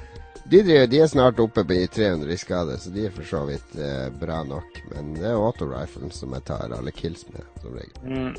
Ja. Jeg er jo i gang med jeg har plutselig fått så mye exotic missions, så jeg holder på med faktisk to exotic missions. Men så har jeg en exotic, eh, den der Bad Juju, eh, som jeg også fikk på en sånn mission. Og så har jeg en annen exotic som heter Hard Light, som er autorifle, som jeg fikk uh, Ah, ja. på sisteplass i eh, Crucible. det var ingen andre som fikk noe. Det var en av de første Cruciblesene jeg spilte etter at jeg var nødt til å spille Crucibles. da. Og jeg var kjempetrøtt og sånn. Jeg, jeg tror jeg hadde sånn her 2.14 eller noe sånt. Jeg ble skikkelig grisebanka i en annen mode jeg ikke mestrer. da. Og så var det ingen som fikk noe, unntatt meg. Som- Jeg hadde, jeg hadde en fantastisk cruisebook-kamp her om dagen der jeg endte opp med 6,5 i kill death ratio. Det var jeg ganske fornøyd med. Det er fint. Det er fint. Men jeg, jeg spiller altså Warlock, som jeg er veldig fornøyd med. Akkurat nå spiller jeg sånn her Void Er det Void Caller eller Void Dancer eller Nei. Ja. I hvert fall Void Warlock spiller jeg akkurat nå. Mm. Det er ganske gøy. Jeg er level 28. ja. Nei, jeg har både en Hunter og en Titan. Og det er vel morsomst med Hunter å være blade dancer i Crucible i PVP, hvor du kan knuse vilt. Du, hvis du setter i gang superen din som uh, blade dancer, så kan du bare hoppe fra fiende til fiende, og det er ufattelig vanskelig å treffe. Så kan du ta en fire stykk samtidig hvis du er heldig. Det er ikke så random som Titan sin Hulk Smash, f.eks. Fett. Ja. Ja, ja, ja. ja, ja. Ja, ja, Da var vi ferdig med Destiny-fikset vårt. Ja.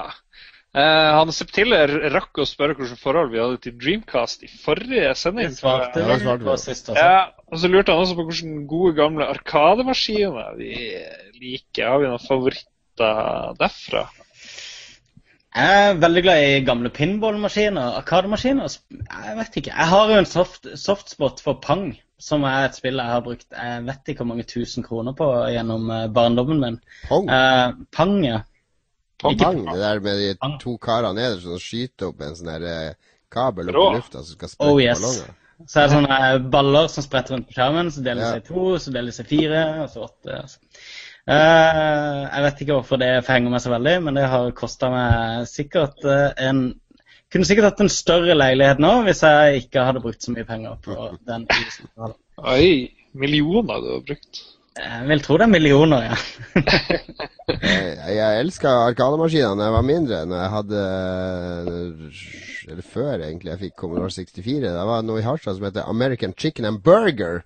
Som var eh, i sentrum av Harstad, der de lagde Det var første sånn fastfood-sted i Harstad. De hadde et gigantisk bakrom som i starten var fullt av arkademaskiner. Det hadde de Det var slutten av 70-tallet, da. Så det var alle masse gamle greier og starten av 80-tallet. Og så ble det litt mindre sånn arkaderom etter hvert, men også etter jeg fikk Commodore 64, så dro jeg jo alltid ned dit for å se på hvor fantastisk bra grafikken eh, kunne bli i forhold til det jeg hadde. Jeg husker de hadde 720 grader her, de hadde Arkanoid, de hadde Supersprint. Men den kuleste maskinen de noen gang hadde der, tror jeg var Gauntlet. Fordi den var så utrolig svær, og det å se fire sånne store ungdommer står rundt den og spiller og samarbeider og sånn, det var, var veldig kult. Mm. Min favorittarkademaskin så er England på en sånn gigantisk spillehall i London, hvor du kunne sitte en fire stykk i lag inni. Det var nesten et svært rom. og så Jeg tror jeg lurer på om det var Namco som hadde lagd det. For du var, du var piloter, eller alle var sånne gunnere i et svært romskip. Og så var det 3D-grafikk. Det var vel noe av det første sånne store 3D-grafikkgreiene. Jeg aner ikke hva det heter spillet, men det minte litt om en sånn her Det var sånn on rails. Eh, du flyr rundt i verdensrommet og bare skyter masse ting. Det var bare sinnssykt imponerende for en dude som hadde en gammel Amiga hjemme i, i, på gutterommet. Har vi en, uh, har vi en favoritt-pinballmaskin òg, eller skal vi spare det til et seinere uh, leserspørsmål, lytterspørsmål? Du, kan jeg, kan jeg, bytte? Jeg kom jo på et spill. Jeg har ikke bare fått fortalt det, for jeg kjenner en som heter Martin som spilte det i Japan. Men det er et sånt spill der du skal være en sinna pappa. Et arkadespill. Fordi det er en skjerm, da, og så er det sånne bord, sånn trebord, som stikker ut av uh, maskinen. da. Altså, det er fire elever da. I første så sitter du og spiser middag med familien, da. altså når ungene bråker og sånn, så skal du slå knyttneven sånn hardt i det bordet. og da rister hele bordet på skjermen, inni skjermen da, med kopper og glass. Og alle ser sånn redd bort på deg, da. altså, blir, altså om å gjøre å finne det perfekte bordet for å, eh, tidspunktet for å klikke helt. Og da skal du ta under bordet, og så skal du slå det opp i lufta. så du velter i, i spillet, så bare flakser det bordet opp. Og familien blir livredd da. Så det er fire sånne scenarioer i det spillet der du skal bli sint. Det, ja, det jeg tror det er mitt favoritt. Jeg har aldri prøvd det, men på... bare beskrivelsen og den videoen jeg så på nettet, var nok til å overbevise meg om at det må være det beste arkadespillet. Er du ikke på, på, restaurant også? Det er litt sånn uh... Ja, er fire forskjellige brett. Ja, riktig. Veldig god idé. Genialt. Ja. Bra spørsmål fra Septiller. Konfusus90, vår uh, mest trofaste lytter, spør hva er det merkeligste brettspillet vi har prøvd noen gang? Mm. God fråga, Konfusus. Det er jo et spørsmål til Jon Cato, føler jeg veldig umiddelbart. Mm. Tja, det er noe merkelig brettspill, eh, men han, når vi var i uh, USA nå sist, Lars, så kjøpte jo venn Frank kjøpte jo selvfølgelig et sånn her eh, Dominion-aktig eh, japansk kortspill der i stedet for at du skal drive og bygge landsbyer og leie soldater og, og mm. alle sånne vanlige kort, så er du en sånn her house lord som skal leie en masse japanske maids. til å betjene det. Det er akkurat samme spill som Dominion, bare at du har en masse sånne overseksualiserte mangategninger av jenter i maid-uniformer med gigantiske pupper. Som du driver og samler på, da. Det høres Er de kontroll over sin egen seksualitet i denne settinga her, eller? det vet jeg ikke. Skal vi se. Martin Herfjord lurer på hva er beste partyspillet for tre og flere. Han liker sjøl King of Tokyo og Gloom. Og da tenker han vel på brettspill. Det er jo Cards Against Humanity, da. Mm, det er kjempebra. de har feiga veldig ut. Du vet at uh, over halvparten av de kortene som var med i opprinnelig Cards Against Humanity, har de fjerna nå. Sier du det? Ja, fordi det er sånn kort uh, som de mener er over streken. Om transpersoner og uh, krøplinger og sånne ting. Det var Litt av moroa med det er jo den forbudte moroa med at du går over streken. Og det sier jo litt at halvparten av kortene er trukket tilbake. Ja, det første... tror jeg nesten, ja, 50% av kortene er bytta ut med litt safere varianter de der i, Jeg kjøpte jo fire sånne expansion-greier i USA. Det var mye rått der. Og så var det en kompis som kjøpte hoveddekken, og der var det veldig tamt. Det var utrolig kjedelig. Så kanskje det var en sånn nyere versjon. For det var merkbart mer gørr enn de der kortene i hovedboksen. Så da blir det jo Cards Against Depravity i stedet for Humanity, med andre ord. Men hvis, hvis, jeg skal anbefale noe nytt som dere kan spille sammen, så gå, gå for Doomtown uh, Reloaded. Det er sånn cowboy-kortspill der man kan spille opp til fire, der det handler om å ta kontroll over en by. Eh, det er ikke rent kortspill, fordi man flytter de kortene liksom rundt på bordet. Man går inn i, i husene til hverandre og prøver å ta kontroll og sånne ting. Så det er, det er veldig kult kortspill. Fordi det har Alle kortene er jo folk eller hester eller items eller hus og sånne ting. Men også oppi hjørnet så står det f.eks. kløver 3 eller spar 5 eller det, det er sånn vanlig kortstokkfunksjon òg, da. Så alle skytedueller, da spiller man poker. Så da trekker man fem kort, og så er det om å gjøre å få den beste pokerhånda. Og så kan man ha, Hvis du har en shooter eksempel, som har to sølvkuler, så får du trekke syv kort i stedet for fem, og så velger du de fem du vil bruke som pokerhånd. Og hvis du har bronsekule på en annen shooter som er med i duellen, så får du diskarde antall kort som han har bronsekule, og trekke opp nye. og så må vi å lage beste pokerhånd for å vinne dueller. Og det er et utrolig kult konsept, egentlig, i stedet for å drive og kaste terninger. Bra. Skal vi se, han Trygve Bjelvåg og han Allkjeks har nesten samme spørsmål. Uh, Allkjeks Alkjeks, gud vet hvordan vi uttaler det her.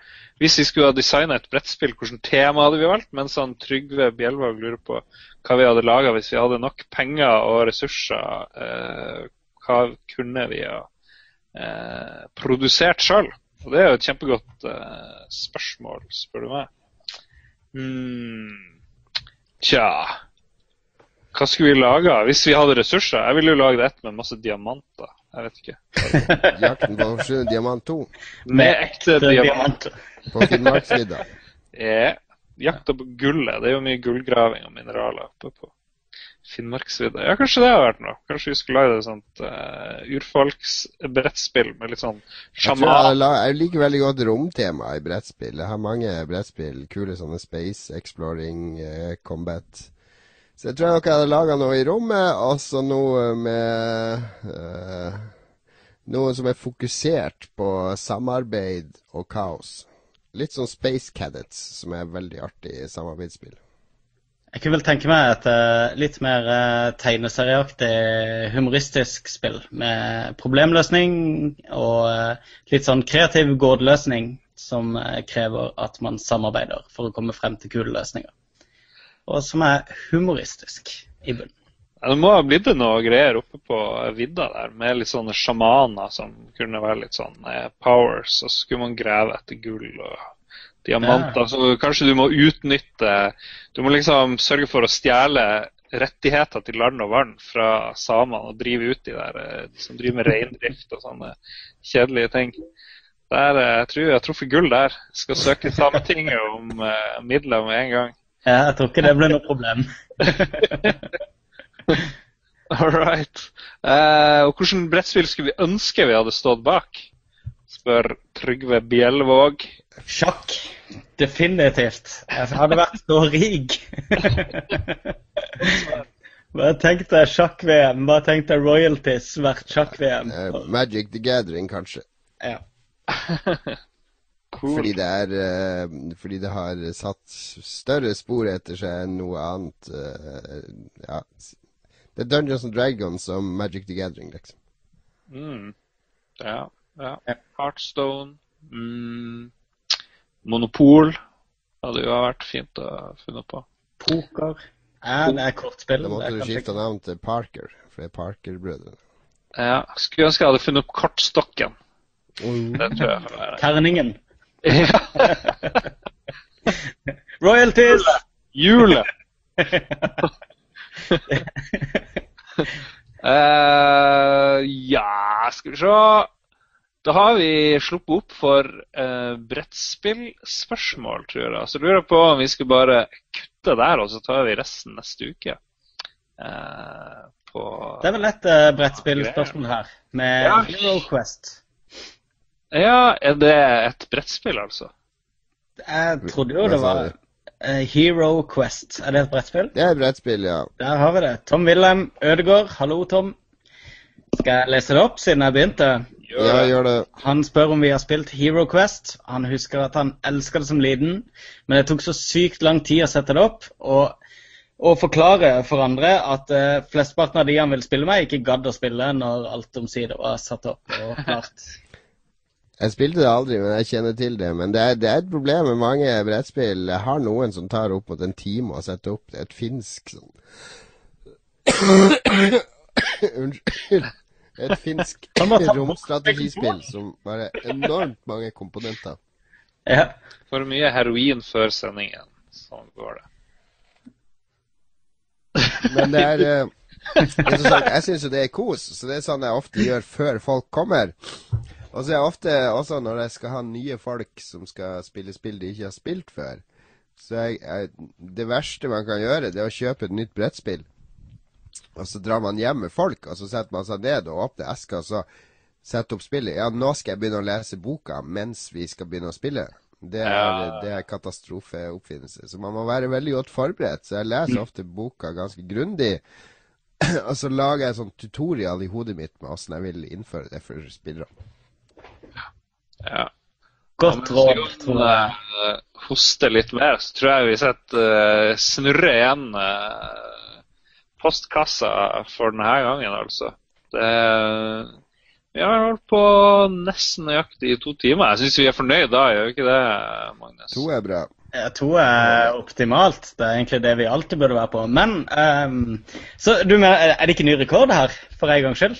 Det er ikke det. Vi Men, å forhindre en ny rekord.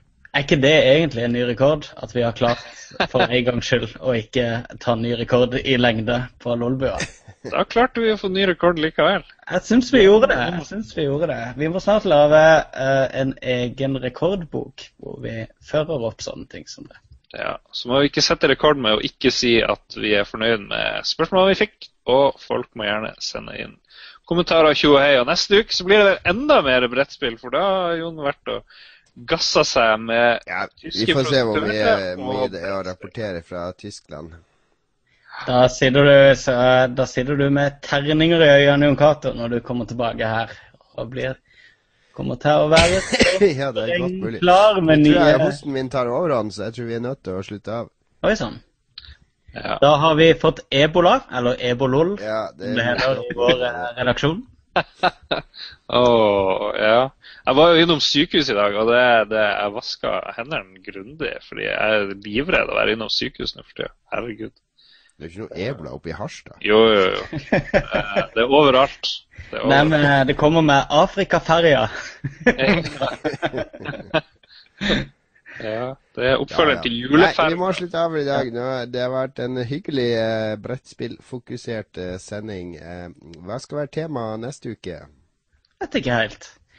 Tenkte kanskje vi ikke høre om uh, han godeste Tørnquist. ikke han der på VGTV, men han Regissøren kunne være gjest, fordi han lanserer vel Drømmefall neste uke? Ja, de skal ha lanseringsfest nå på torsdag, vel. Ja, Så så da er det jo rett. Det. Ja. Da, da hører vi med Ragnar, og så blir det forhåpentligvis Drømmefall spesial neste uke. Du kan følge oss på Twitter. Den andre må ta avslutningen. du kan følge oss på Twitter. Jeg heter Magnus Tellefsen. Jon Cato heter Fleksnes, og Lars heter Lars Rolsen i ett ord, hvis jeg husker riktig. Vi gjør det. Vi er også Følg oss på, på Facebook. Det kan du, community manager, kanskje ta deg av annonseringa? Nei, det er bare å lete oss frem på Facebook. Ja. Så har vi en genial hjemmeside. Den må folk sjekke ut. Ja, for lolbua.no. Forhåpentligvis så ser du faktisk eh, oss snakke live på livesending på lolbua.no. Hvis ikke kan du gjøre det neste uke. Yep. Og så er vi på at lolbua på Twitter, og vi er på LO. Er vi der? Eh, er, eh, det er vi kanskje ikke ennå, men det kommer. Det kommer, det kommer. Um, eh, det er fremdeles ikke for seint å bli med i Lolbua-klanen i Destiny. Det er bare å finne oss der på bungee.net. Og eventuelt, hvis du har lyst på venner i Destiny, gå inn på Facebook på Spilldate med LOL-crew, som vi har sammen med våre overlords uh, Rad Crew. Det stemmer på en prikk. Hva dere skal gjøre nå, da? Jon skal hoste, Magnus skal Jeg må gå og drikke litt vann. Ja, Jon skal drikke vann. Jeg tror jeg òg skal drikke vann, eh, tenkte jeg. Og kanskje spille til Xbox, hvis jeg rekker det. Jeg tror jeg skal se helgas eh, Formel 1-løp i opptak fra Hvor var jeg? Russland, var det. Det kan bli gøy. Spennende. Ja da. Det høres ut som en bra avslutning på kvelden. Og da takker vi for følget denne gangen. Takk til alle som hører på oss, som eh, holder ut all skitpraten vår. Vi høres igjen neste uke. Ha det bra. Ha det bra.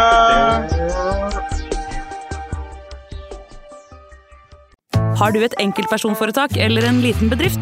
Da er du sikkert lei av å høre meg snakke om hvor enkelt det er med kvitteringer og bilag i fiken, så vi eh, gir oss her, vi. Fordi vi liker enkelt. Fiken superenkelt regnskap.